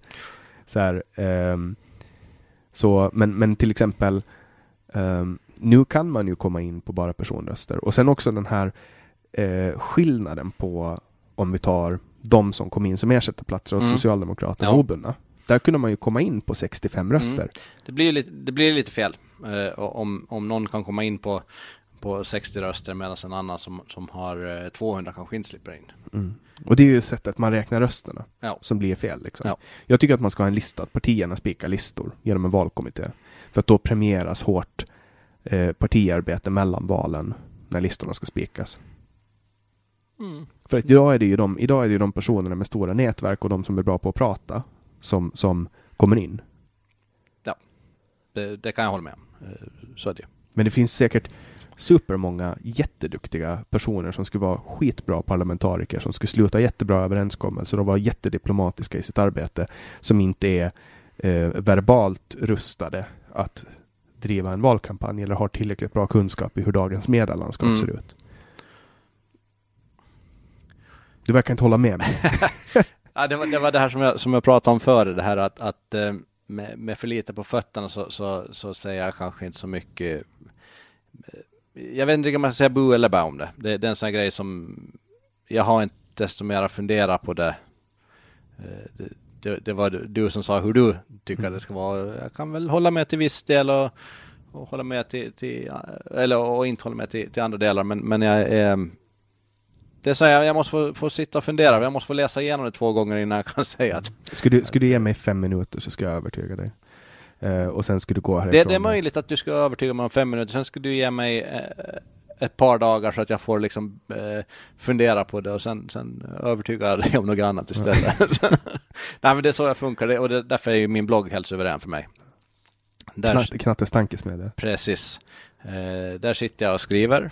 Eh, jag börjar med att, ofta så är det så att jag blir, jag blir skitförbannad över någonting. Eh, och så börjar jag skriva. Och, och skriver och skriver och skriver utan att egentligen ha någon eh, fakta på bordet. Eh, sen dricker jag en kopp kaffe och lugnar ner mig och så läser jag igenom vad har jag skrivit nu. Eh, och så börjar jag med att, att rätta alla stavfel och alla där jag har missat mellanslag eftersom jag skriver från telefonen. Så alla, vet hur, hur bra det är. Eh, nej men så jag hinner fundera efter. Eh, och så hinner jag kolla upp fakta. Och så hinner jag liksom eh, gå igenom för och nackdelar med allt jag skriver. Så att därför tycker jag det är bättre att skriva än att sitta och, och bara prata. Det, det, är ett bra sätt att sitta och prata också, men, men jag känner mig bekvämare. Mm. Det är ett ganska intressant sätt eh, som du skrev, att du börjar med att skriva utifrån känslor och så kompletterar du med fakta. Mm. För att vanligtvis börjar man med, med fakta och så kompletterar man med känslor. Jo, men, men min, min blogg är egentligen, det är jag som går ut i skogen och, och drar av ett vrål när jag är arg. Eh, det är det jag gör i, i bloggen. Det är liksom... Två gånger om dagen? ja, ungefär. Det, det, är mina aggressioner som kommer ut. Eh, eh, och eh, efter att jag väl har fått det nerskrivet, eh, det första, eh, det som, som är själva idén till inlägget. Sen kan jag börja liksom analysera att, att är, det, är det rätt det här? Eller är det en bra idé? Eller är det liksom ja, det, det, det, är ett bekvämt sätt för mig att, få ut mina åsikter och idéer. Mm. Och eh, har du många läsare på Knattes tankesmedja? Det ska jag säga. Uh, nu har jag inte räknat ut ett, ett uh, medeltal på det, men, men om vi säger så här, jag har en, en grupp på mellan 30 och 50 personer som läser det direkt det kommer ut. Alltså så fort jag, eh, jag delar ju alltid mina, mina eh, inlägg på min Facebook-sida. Eh, och då kommer det mellan 30 och 50 personer som läser det direkt. Och sen är det mellan, lite beroende på hur jag marknadsför det så att säga. Jag, ibland delar det i, i någon grupp då på, på Facebook och beroende på vilken grupp man delar det så får man ju olika olika eh, antal läsare då. Men det mesta har, har dragit 1200-1300 visningar. Det lägsta har dragit 22 Eh, vad är skillnaden på det då? Skillnaden är absolut, den största skillnaden är eh, jag kan inte säga att det är den största skillnaden, men det finns två olika skillnader. Den ena skillnaden är rubriksättningen. Och, och det fattar ju alla att det, det måste vara en intressant rubrik. Eh, och, och, då är det ju, är det någonting som eh, handlar om eh, invandring eller om utlänningar överlag, så då drar det mycket. Är det en tråkig rubrik som eh, vatten ur ett träsk, då, då, då drar det ingenting. Men sen, sen är det också eh, som sagt var jag, i vilken grupp jag delar det. Eh, hur många medlemmar finns det i den gruppen? Och det är ju, det är ju ganska uppenbart att är det en, en grupp med 5000 medlemmar så är det ju flera som ser det och då är det flera som läser. Mm. Och vad har responsen varit hittills? Då har du fått mycket hat och hot? Eller är det bara glada tillrop och skatt? Nej, det är både och faktiskt. Det är roligt att du frågar faktiskt, för det hade jag glömt bort. Jag tänkte faktiskt berätta det, att, att någonting som, som gjorde mig oerhört positivt överraskad. Det var hur många som har hört av sig eh, privat och, och, och peppar mig att fortsätta skriva. Eh, vilket också är en, en orsak till att jag fortsätter skriva. Eh, det kanske är 25-30 personer som har hört av sig som, som säger att de tycker det är bra, de har bra åsikter. Eh, de vågar inte stå för sina åsikter, de kan inte för att de har de är egenföretagare och sådana saker. Det är ett sådant samhälle vi lever i, att man, man kan inte riktigt gå ut med alla sina åsikter.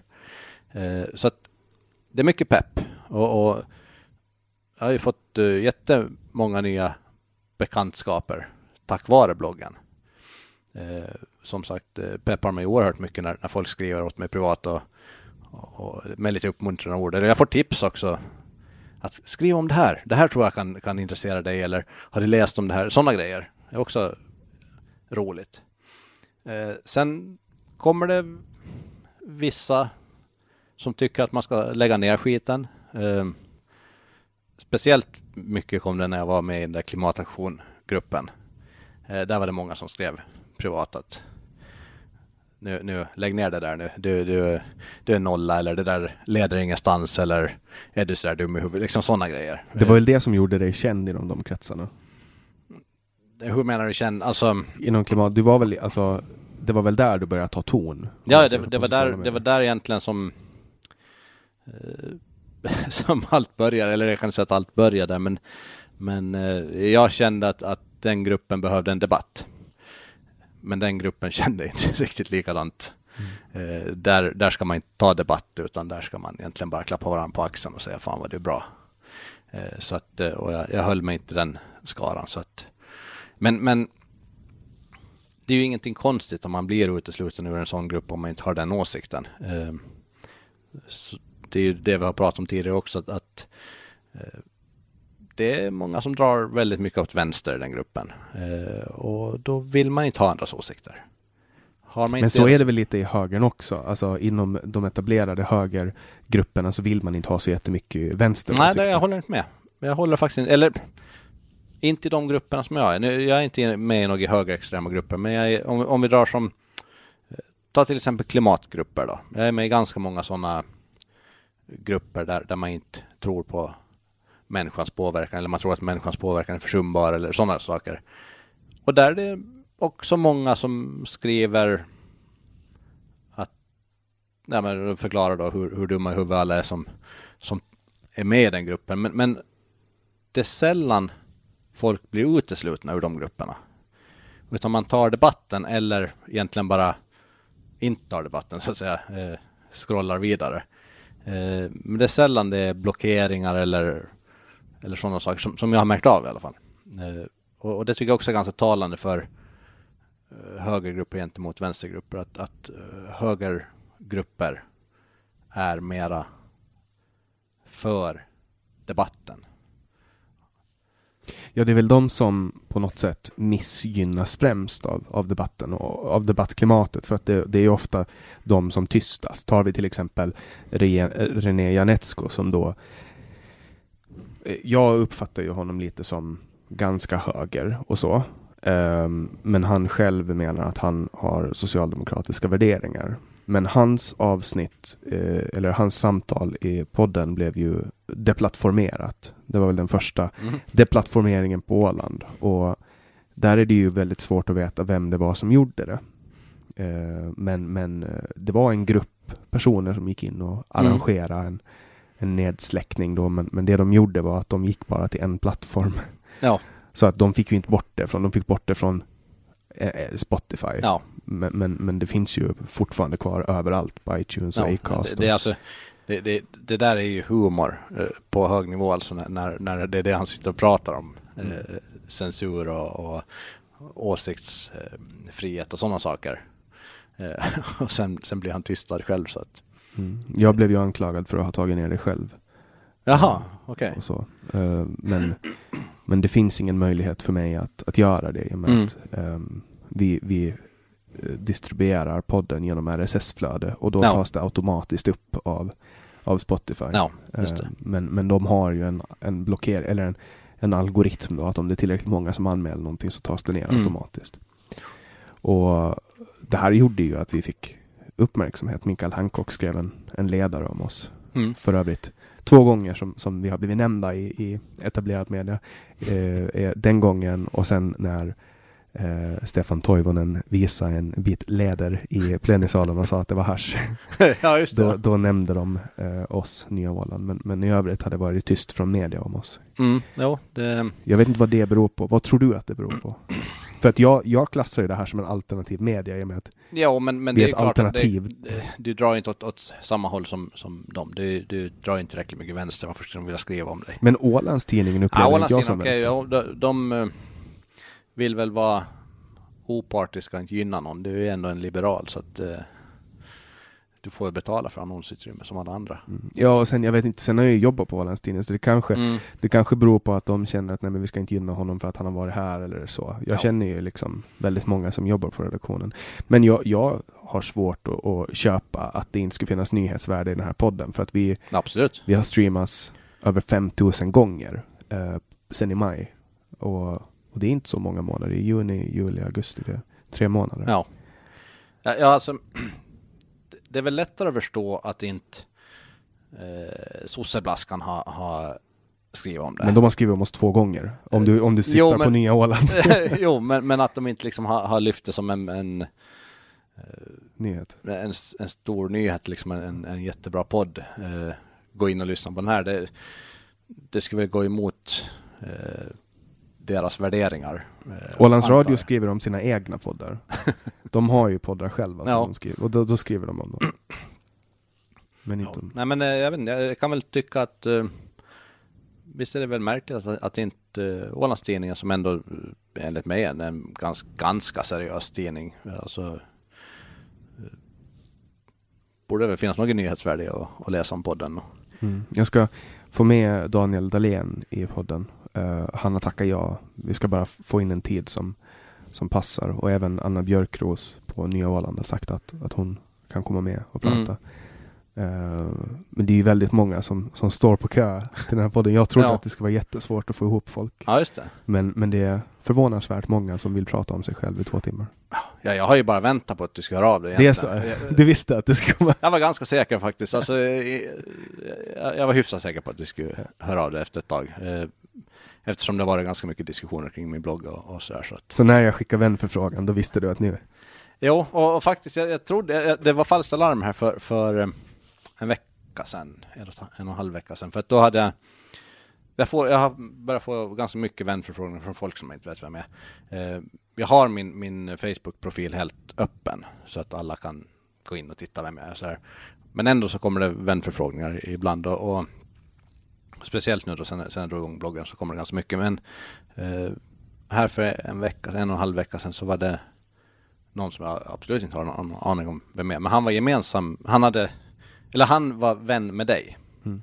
Eh, och då tänkte jag så att, aha, nu ska vi se om det, om det är något med det då. Jag tänkte han kanske samarbetar med dig eller något sånt här med, med, med podden då. Men det var helt, helt, eh, det hade absolut ingenting med det att göra. Men, Men sen du, har- du satt på kammaren och hade på känn att snart får jag podda. Ja, faktiskt. Ja. Eh, jag, jag kände att eh, med tanke på vilka du pratar med så här så då, då vill han prata med mig och Mm. Det har ju varit lite, lite oväntade gäster också. Eh, och det handlar ju mycket om att, att eh, vi vill kunna erbjuda en bredd av, av personer.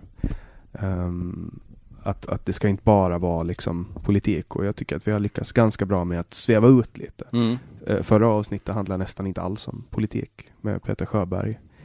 Och avsnittet före det med Mikael Virta var också väldigt lite politik. Mm. Men en sak som jag har noterat är att det är jättesvårt att få kvinnor att ställa upp. Jaha. De tackar mycket oftare nej, så man får fråga tre kvinnor före man får ett ja. Medan män i princip alltid tackar ja. Ja, vi, vi tycker om att prata om oss själva. Ja, och sen tror jag också att män är mer vana med att ta plats och mer bekväma med att ta plats än kvinnor. Det är möjligt att det, att det är så. Det, det vet jag ingenting om. Men, men Det är min känsla. li, lite, lite, jag måste säga lite förvånad är över, över att inte eller över att det ska vara svårt att få med kvinnor ändå. Det, Men sen kanske det skulle vara lättare om det var en, en kvinnlig program, programledare också för att män har lättare att kommunicera med män. Jag vet inte varför det är så, men jag upplever att det är så. ja, det, det kan jag inte säga att, att jag har någon skillnad på att prata med en man eller kvinna. Att det, Jag, jag, jag tycker att det kan, kan vara lättare att, att prata med av samma kön liksom. Jag det, om, jag skulle säga att det beror mera på, på ämne. Vad man pratar om. Ja, det är sant. Eh,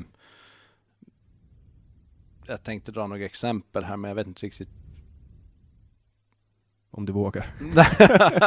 Nej, det, det föll lite ur för jag kom på när det där stämmer faktiskt inte. Eh, jag har nog lika lätt att prata med män som med kvinnor.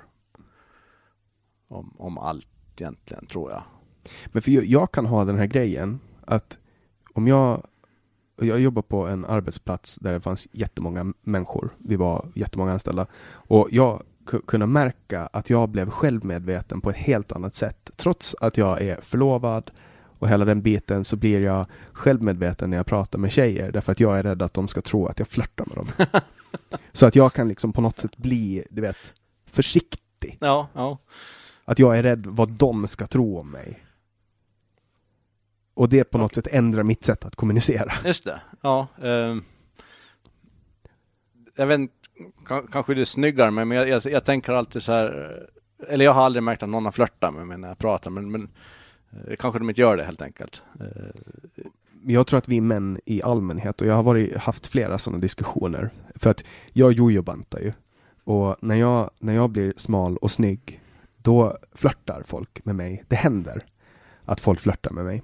Och eh, då kan jag vara ganska dålig på att märka det. Mm. Så att människor i min omgivning har varit så här, oj, hon, hon där flörtar med dig. Eller han där, för det har också hänt att, att män har flörtat med mig.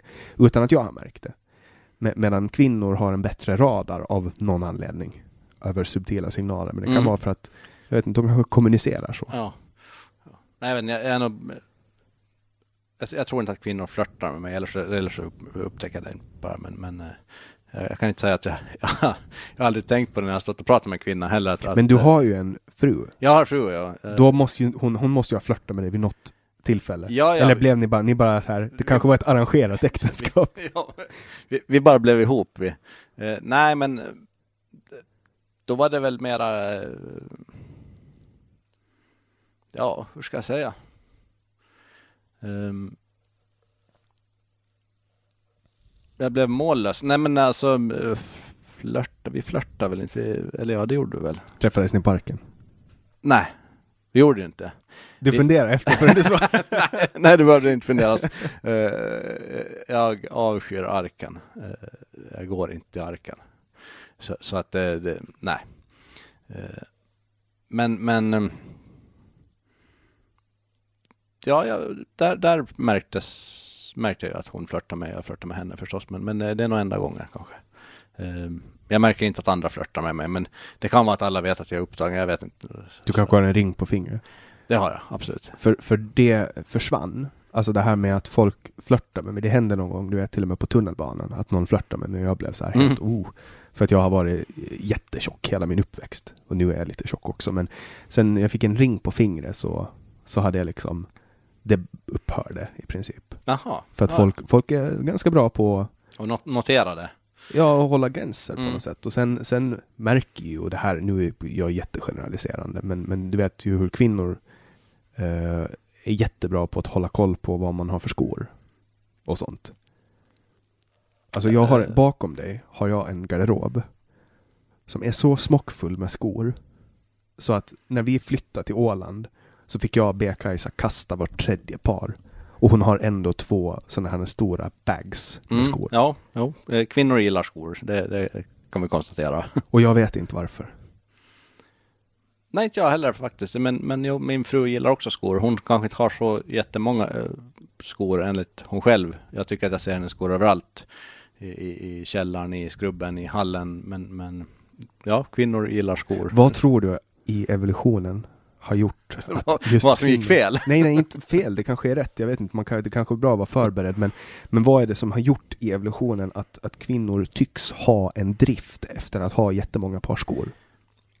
Jag tror det är för, att, för jag tror att det är vi män som uppmuntrar det. För det är så oerhört enkelt att ge en kvinna komplimanger genom att säga fan vad snygga skor du har. Mm. Jag har aldrig testat den. Jag har köpt skor åt Kajsa däremot på rea. För Stadium brukar jag ha så här helt galna reor. Och då, då kan man köpa tre par och betala för två. Och så köper man två par jättedyra springskor och så får man ett par. Och då får Kajsa två par och jag får ett par. Ja, just det. Annars kan man ju köpa Crocs på Sparhallen för, för fem euro eller vad Men hon skulle garanterat använda dem. eh, på grund av att hon tycker jättemycket om skor. Men nu när vi ändå är inne på att prata om mysteriet med kvinnor. För jag tycker att det är ett mysterium. Jag har jättesvårt att, att förstå. Och min, nu är jag så här, 80% av min erfarenhet av kvinnor och relationer är Kajsa. Men, men eh, vad är din take på feminismen? Alltså, jag har fortfarande inte lyckats lista ut vad feminist är. Faktiskt. Alltså, det, det finns jättemånga eh, män som säger att de är feminister. För, före det, det här feministpratet kom igång. Eh, det, det har ju egentligen bara varit pop i, i inte allt för många år. Eh, men, men före det så var, för, för i, i mitt huvud så var, var en feminist var en kortklippt kvinna med orakade armhålor och, och nästan mustasch var en feminist. Det låter, det, det, det låter som en nidbild. ja. Nej men och, och sen börjar, börjar män säga att jo men jag är feminist och jag är feminist och Men är det en, en man med kort hår och råkade armhålor? Nej, alltså? det, det har ju visat sig att, att eh, vem som helst mitt alltså är feminist. Eh, och, och jag har aldrig egentligen eh, sällat mig till den gruppen. För jag, jag, jag älskar kvinnor. Eh, jag tycker att kvinnor är bra. Eh, och jag vet inte riktigt, jag, jag ser på en kvinna som, som jämlik med en man, det har jag alltid gjort. Jag har aldrig liksom nedvärderat en kvinna eh, och, och trott att hon är sämre än mig. Eh, så jag vet inte vad, är jag feminist då eller? eller? Kollar man på nationalencyklopedin så är eh, definitionen av feminism en social rörelse för jämställdhet mellan kvinnor och män. Är du för jämställdhet mellan Absolut. Kvinnor? Då är du feminist. Då är jag en feminist. Eh, däremot så ska jag aldrig någonsin stödja ett eh, kvotsystem till exempel där, där man ska kvotera in eh, kvinnor. Ja, det är ju, det är ju socialism, ko kommunism, kollektivism mm. är ju det. Då är, då är ju det någonting jo, helt men, annat. men det hör ju till jämställdheten. Det, har vi en styrelse så ska det vara lika många kvinnor som män till exempel. Det, det, och, och, det tycker jag är bara pallar och jål. Mm. Alltså i privata näringslivet kan jag hålla med dig. Men tar man till exempel en uh, offentliga positioner så, så, så, finns det ju liksom en um, tanke med det. Alltså det är ju ungefär 50-50. Det är lite fler kvinnor än män eh, beroende på vilket land. Men, men där, är ju, där är ju tanken att det ska återspegla folket, en styrelse till exempel. Jo, men jag, jo, men jag tycker det är fel. Jag tycker att i, i styrelser och alltså det var ju för många kvinnor i stadsstyrelsen. Det, det ska alltid gå på kompetens enligt mig. Mm. Jag skulle bli vansinnig om min dotter eller någon av mina döttrar eh, får ett jätteflashigt jobb. Eh, jättebra lön. Eh, och de har fått det jobbet på grund av att de har på grund av jämställdheten, att de har blivit placerade därför att de ska väga upp eh, det stora antalet män. Mm. Det, sånt där gör mig arg. Hon och det är, så, det är att hon har arbetat sig dit. Och det är ju privata näringslivet och där håller jag med dig jättemycket. Men kollar man till exempel på stadsstyrelsen efter förra valet, mm. då, då fick ju Birgitta Johansson lämna på mm. grund av att det var för många kvinnor. Och så tog man in en man istället. Mm. Ja men det blir också fel, alltså eh, nu, hör ju, nu var ju hon i ditt parti då, även om Jo, jo men, men, men, men, men själva grejen bara att, att någon får lämna eller någon får komma med på grund av om det är en pitt mellan benen, det, det, det gör mig liksom så här, det, det, det blir fel. Det, det, det, är ju inte det som ska styra. Mm. Sen, sen, kan jag hålla med om att kollar man på till exempel college stipendium i USA, där har man ju olika kvoter. Där mm. finns det så kvinnokvoter och så, och så kan man få eh, stipendium för att man är svart. Mm. Tänk att komma in på ett universitet för att man är svart. Ja, alltså det... tänk att känna den, jag skulle känna, jag skulle känna om jag skulle bli kvoterad in för att jag är vit. Då skulle det kännas som jättekonstigt för att... Ja men det, det är precis det jag säger, det är precis samma sak som om, om, om min dotter skulle få ett chefsjobb på grund av att hon är kvinna. Inte på grund av att hon är duktig. Eller hon är säkert duktig för att hon har kommit till den positionen, men, men hon har fått jobbet Eh, istället för någon som är mera kompetent bara för att hon är kvinna. Eh, och det är ingenting att vara stolt över, ska jag säga. Mm. Och där, där håller jag med i pri privata näringslivet att, att man, man ska Ja, men jag förstår varför man ska skilja på privata näringsliv och, och något annat. Alltså det, det, ska väl alltid vara så i samhället att, att den bäst lämpade. Det ska väl inte vara vilket kön du har. Mm. Men sen tror jag ju, alltså tar man till exempel Stadsstyrelsen som är, de är inte så många, vad är de? Sex, sju, mm. åtta stycken. Eh, det skulle ju vara jättekonstigt om det var åtta män eller åtta kvinnor eller så många mandat de nu har i stadsstyrelsen. Att det skulle bli, jag tror att man skulle tappa ganska viktiga perspektiv och det här är ju ändå eh, offentlig myndighetsutövning och, och, det är ju liksom offentligt och alla pengar kommer, 50% av pengarna kommer från eller 50% av skattebetalarna är män och 50 är kvinnor. Då tycker jag att det är helt rimligt att man har de um, riktlinjerna. Nu är ju inte lagting, nu är det ju inte så att 15 stolar tillhör män och 15 kvinnor, utan nu ska listorna vara jämställda. Ja, och det, det tycker jag också blir fel. Uh, att, att de måste inte vara det. Men nej, de måste men du premieras om du har uh, mm. jämställda listor. Och det blir också fel tycker jag. Om, om nu ett parti bara får tag i män som vill ställa upp så tycker jag inte att de ska eh, missgynnas av det. Och samma sak om, om det finns ett parti som är enbart kvinnor så ska de inte missgynnas av det. Eh, jag förstår inte vad, vad, det ska spela för roll att, att man är lika många män som kvinnor. Det, det, blir, det blir bara vrickat. Eh, om vi tar ett parti nu och säger att de har fem män som vill ställa upp, ett, ett litet parti, de har fem män. Och så känner de så att vi måste leta upp fem kvinnor för då, då, då blir det bättre, då får vi vissa fördelar. Och så letar man upp egentligen vem som helst bara för saken skulle kunna ställa upp en eh, liksom Ja, på det sättet så kan det ju bli, det riskerar ju att det, kan, det, det blir så. Men kolla det, till det, exempel, Det, det, finns, alltså det är ju så det blir. Om, om du har ett parti där du saknar två kvinnor för att ni ska vara helt jämställda. Det är klart man söker upp vem som helst. Om, om man inte får någon, någon ja eller plocka bort kompetent, män. tillräckligt kompetent, då, då, då tar man vem som helst som egentligen är villig att ställa upp bara. Mm, ja, man kan ju också klippa män från listan. ja. Det, det är också ett alternativ. Men Jo, kollar men, man till men, men exempel, saken är den att det, det blir ett, ett eh, felaktigt system helt enkelt. mm.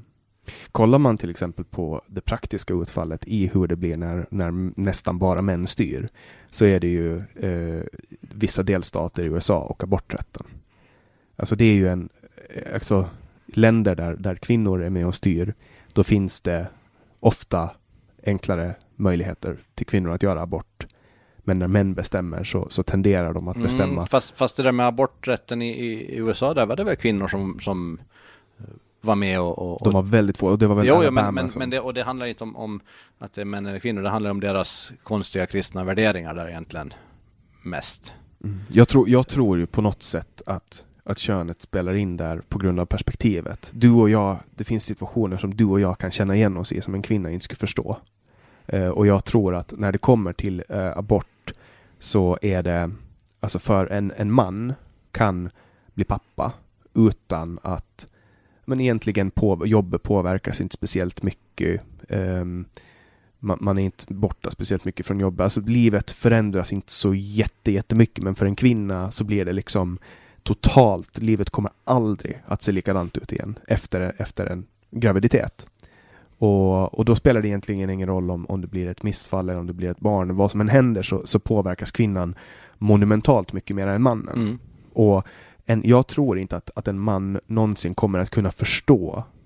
Alltså, jag bara kan, liksom, jag kan inte med mina sinnen uppfatta hur en kvinnas hormoner är under PMS till exempel. Jag kan inte för min vildaste fantasi sympati, alltså, tänka mig in i den Mm. situationen. Nej, alltså, Och tänk då en graviditet som påverkar allt liksom. oh ja. Jag har- jag med Var med om fem, jag fem, varit, varit med om, om eh, gravid fru eh, i flera omgångar så att eh, jag vet att det påverkar mycket. Ja. Och- och du vet ju hur jag- jag, vill, oförstående jag vill man kan bara vara. påpeka att jag, jag håller ju helt med. Alltså jag tycker inte att, att eh, man ska få bestämma över huruvida en kvinna har rätt att göra abort eller inte. Det borde vara hennes absolut fulla rätt att, att göra abort. Så att, så att där är vi på, på samma linje så att säga. Eh, men jag vet inte om, om, om jag tycker att det skulle... Ja, men det finns nog kvinnor som kan ta de besluten då, eh, helt tydligt alltså eftersom det var även kvinnor inblandade i det beslutet i, i USA. Så, men det, det är klart, skulle det vara bara kvinnor som bestämde så kanske det skulle bli ett annat beslut. Det, det vet jag inte, men, men det får inte mig att, att, att ändra min syn på, på kvotering och, Mm. och sådana saker. Alltså det, jag tycker det är ett eh, förvrickat system helt enkelt. Mm. Och jag tycker att det är jag tycker att det är skönt att sitta och podda med någon där man inte, alltså där det är uttalat att vi inte har samma åsikter. Mm, mm. För att det är det som är kärnan i hela den här idén. Liksom. Ja, ja. Att, att kunna göra det. Därför att för varje sånt samtal man tar och för varje gång en människa exponerar sig för det så tar man bort lite udden av polariseringen. Absolut. Absolut. Jag, jag tror att, att eh, diskussioner är, är ju liksom egentligen lösningen på, på många eh,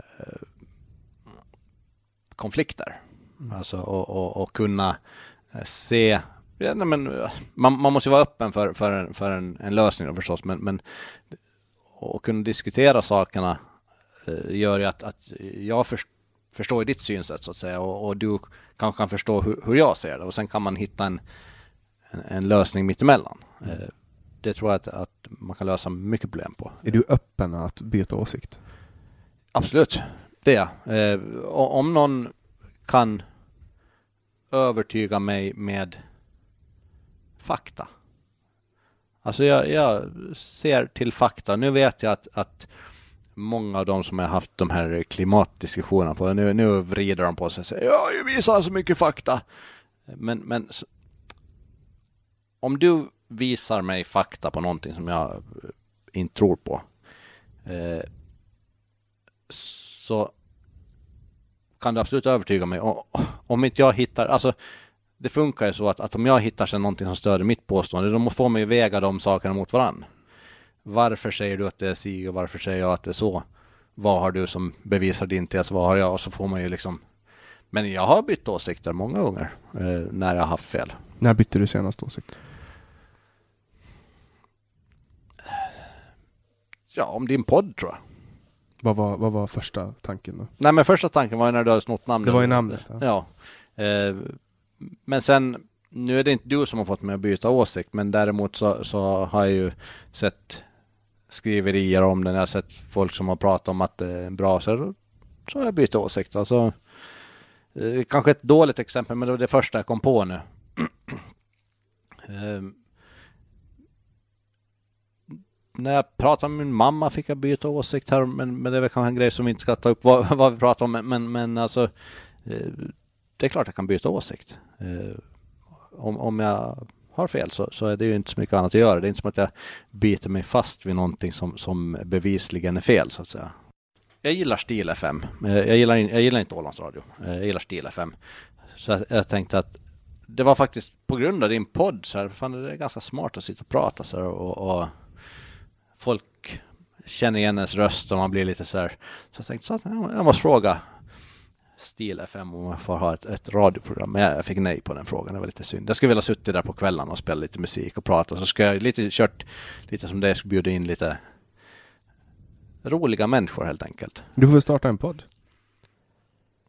Men det Knapp, känns som att det är taget redan. Knattes tankesmedja. Nej men vadå? Man ska ju alltså eh, desto flera poddar, desto högre konkurrens och desto mera måste jag skärpa mig liksom.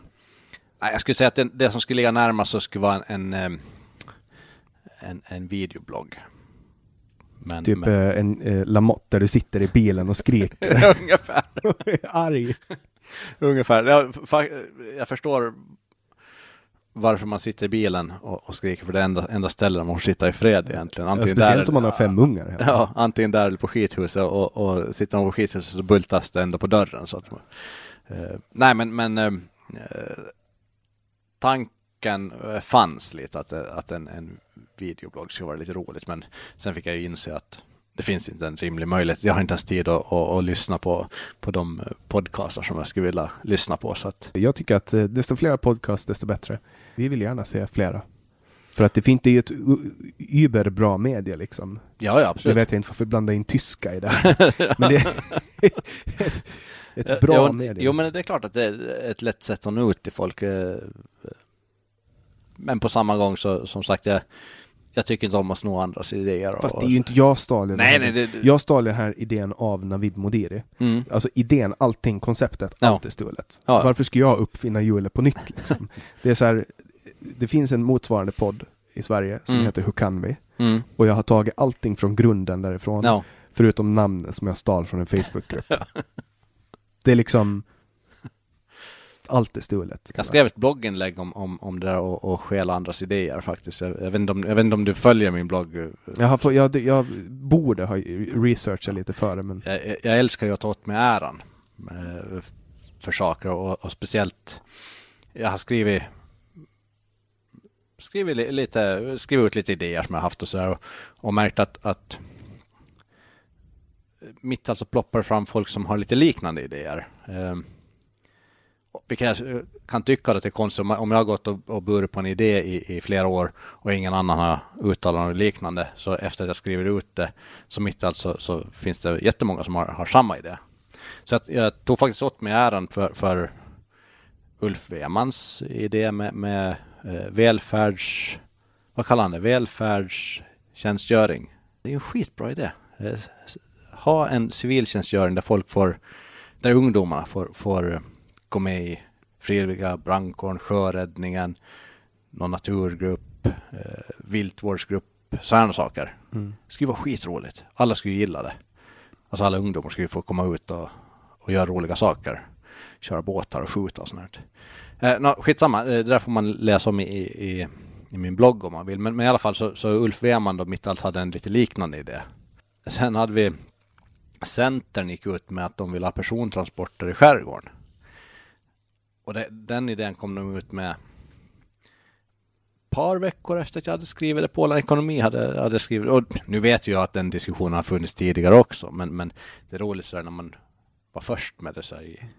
Fan, jag måste gå in på, på, på Knattes tankesmedja och se om jag hittar någon bra idé att sno. Uh, ja, ja, alltså, jag, jag skrev i, i, mitt i det inlägg jag skrev om det där då, för det var, det var Centern som snodde, det var Weman som snodde Sen var det något till. Det du kastar anklagelser vilt här. Nej men som sagt, jag, jag gillar att ta åt mig äran. Eh, de mm. kan ha fått idén från andra håll. Men, men sen men... finns det också inom uppfinnarkretsar eh, en välkänd regel om att varje gång en tanke och en uppfinning är på väg att uppfinnas så har den på något sätt samtidigt spanat i någon annans huvud. Och så var det ju med telefonen. Mm. De, de lämnar ju in patenter bara i några timmar mellan, så här ja. helt oknutna från varandra och sådana grejer. Så du menar att jag och Ulf Weman är på samma våglängd? ja men typ att, att universum äh, släpper igenom en idé som att nu är den redo för jorden och så kan man på något sätt med äh, någon äh, elektromagnetisk puls ta emot den idén och översätta den i sin hjärna och då finns den samtidigt hos flera personer. Typ.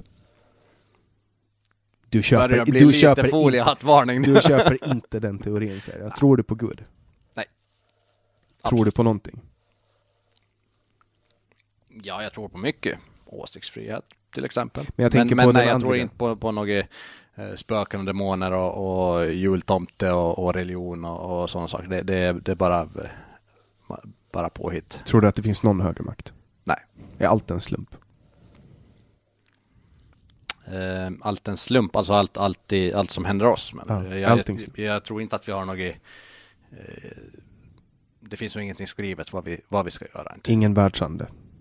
Ingen skapande intellekt. Nej. Du är helt ateist. Ja. Inte agnostiker. Du tror inte på någonting. Nej, det, det, kan jag inte säga att jag, att jag gör. Alltså,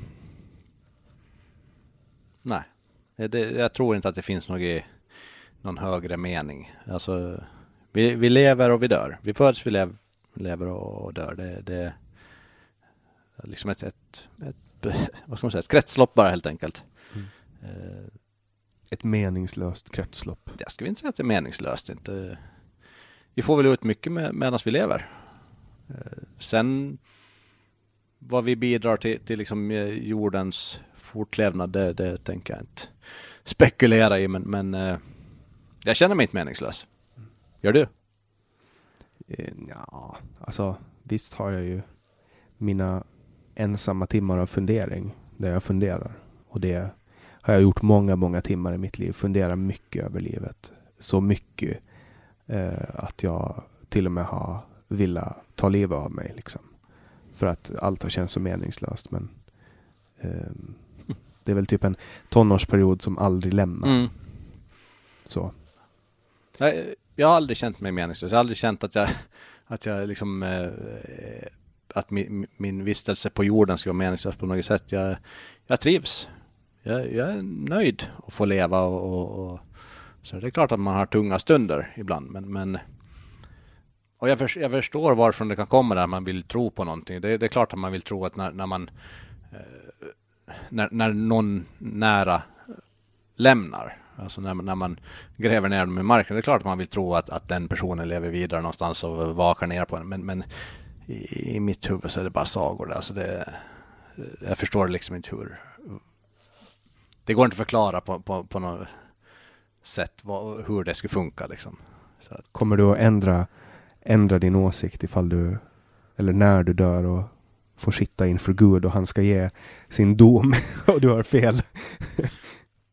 Då ska jag ändra mig. Eh, då, ska jag till och med säga förlåt. Eh, jag anser att man, ska enbart säga förlåt när, när det faktiskt finns eh, grund för det.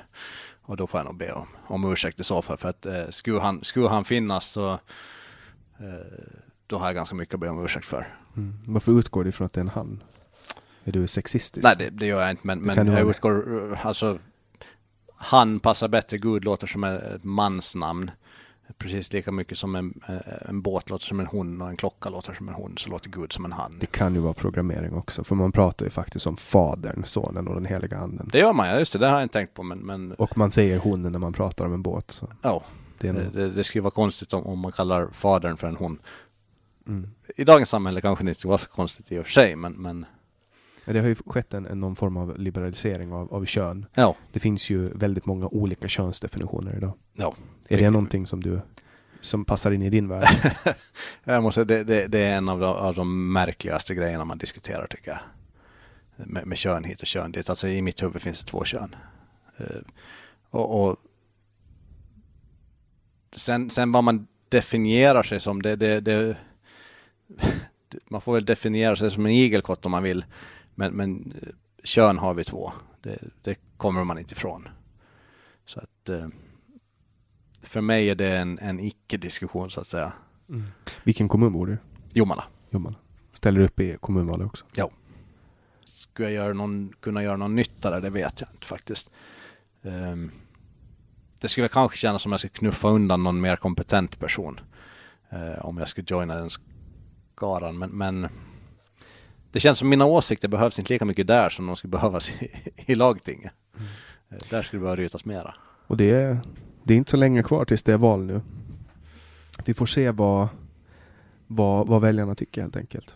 Tusen tack för att du kom hit. Tack för att jag fick komma. Jag hoppas att ni som lyssnar har fått ut någonting av det här samtalet. Om ni tycker om det vi gör så får ni jättegärna gå in och gilla och dela våra videos som vi släpper varje vecka. Det kommer nya avsnitt varje onsdag som ni kanske vet eller inte vet.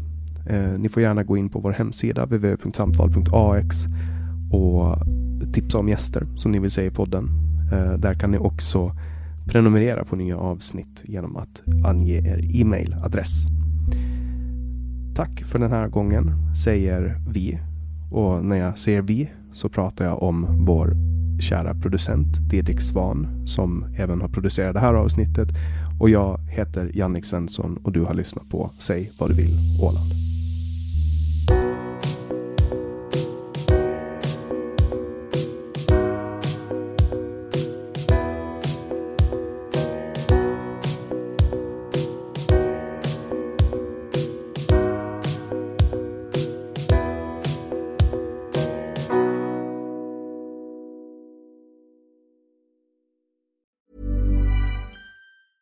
Hi, I'm Daniel, founder of Pretty Litter. Did you know cats tend to hide symptoms of sickness and pain? I learned this the hard way after losing my cat, Gingy. So I created Pretty Litter, a health monitoring litter that helps detect early signs of illness by changing colors, saving you money and potentially your cat's life. Pretty Litter is veterinarian developed, and it's the easiest way to keep tabs on your fur baby's health right at home. Go to prettylitter.com and use code ACAST for 20% off your first order and a free cat toy. Terms and conditions apply. See site for details. Hey, it's Paige DeSorbo from Giggly Squad. High quality fashion without the price tag. Say hello to Quince.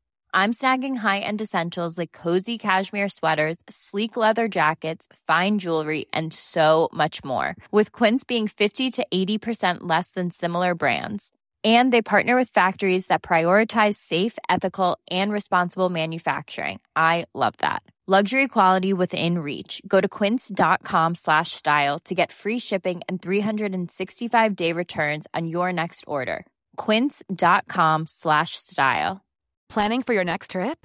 Elevate your travel style with Quince. Quince has all the jet setting essentials you'll want for your next getaway, like European linen, premium luggage options, buttery soft Italian leather bags, and so much more. And is all priced at 50 to 80% less than similar brands. Plus, Quince only works with factories that use safe and ethical manufacturing practices. Pack your bags with high-quality essentials you'll be wearing for vacations to come with Quince. Go to quince.com slash pack for free shipping and 365-day returns.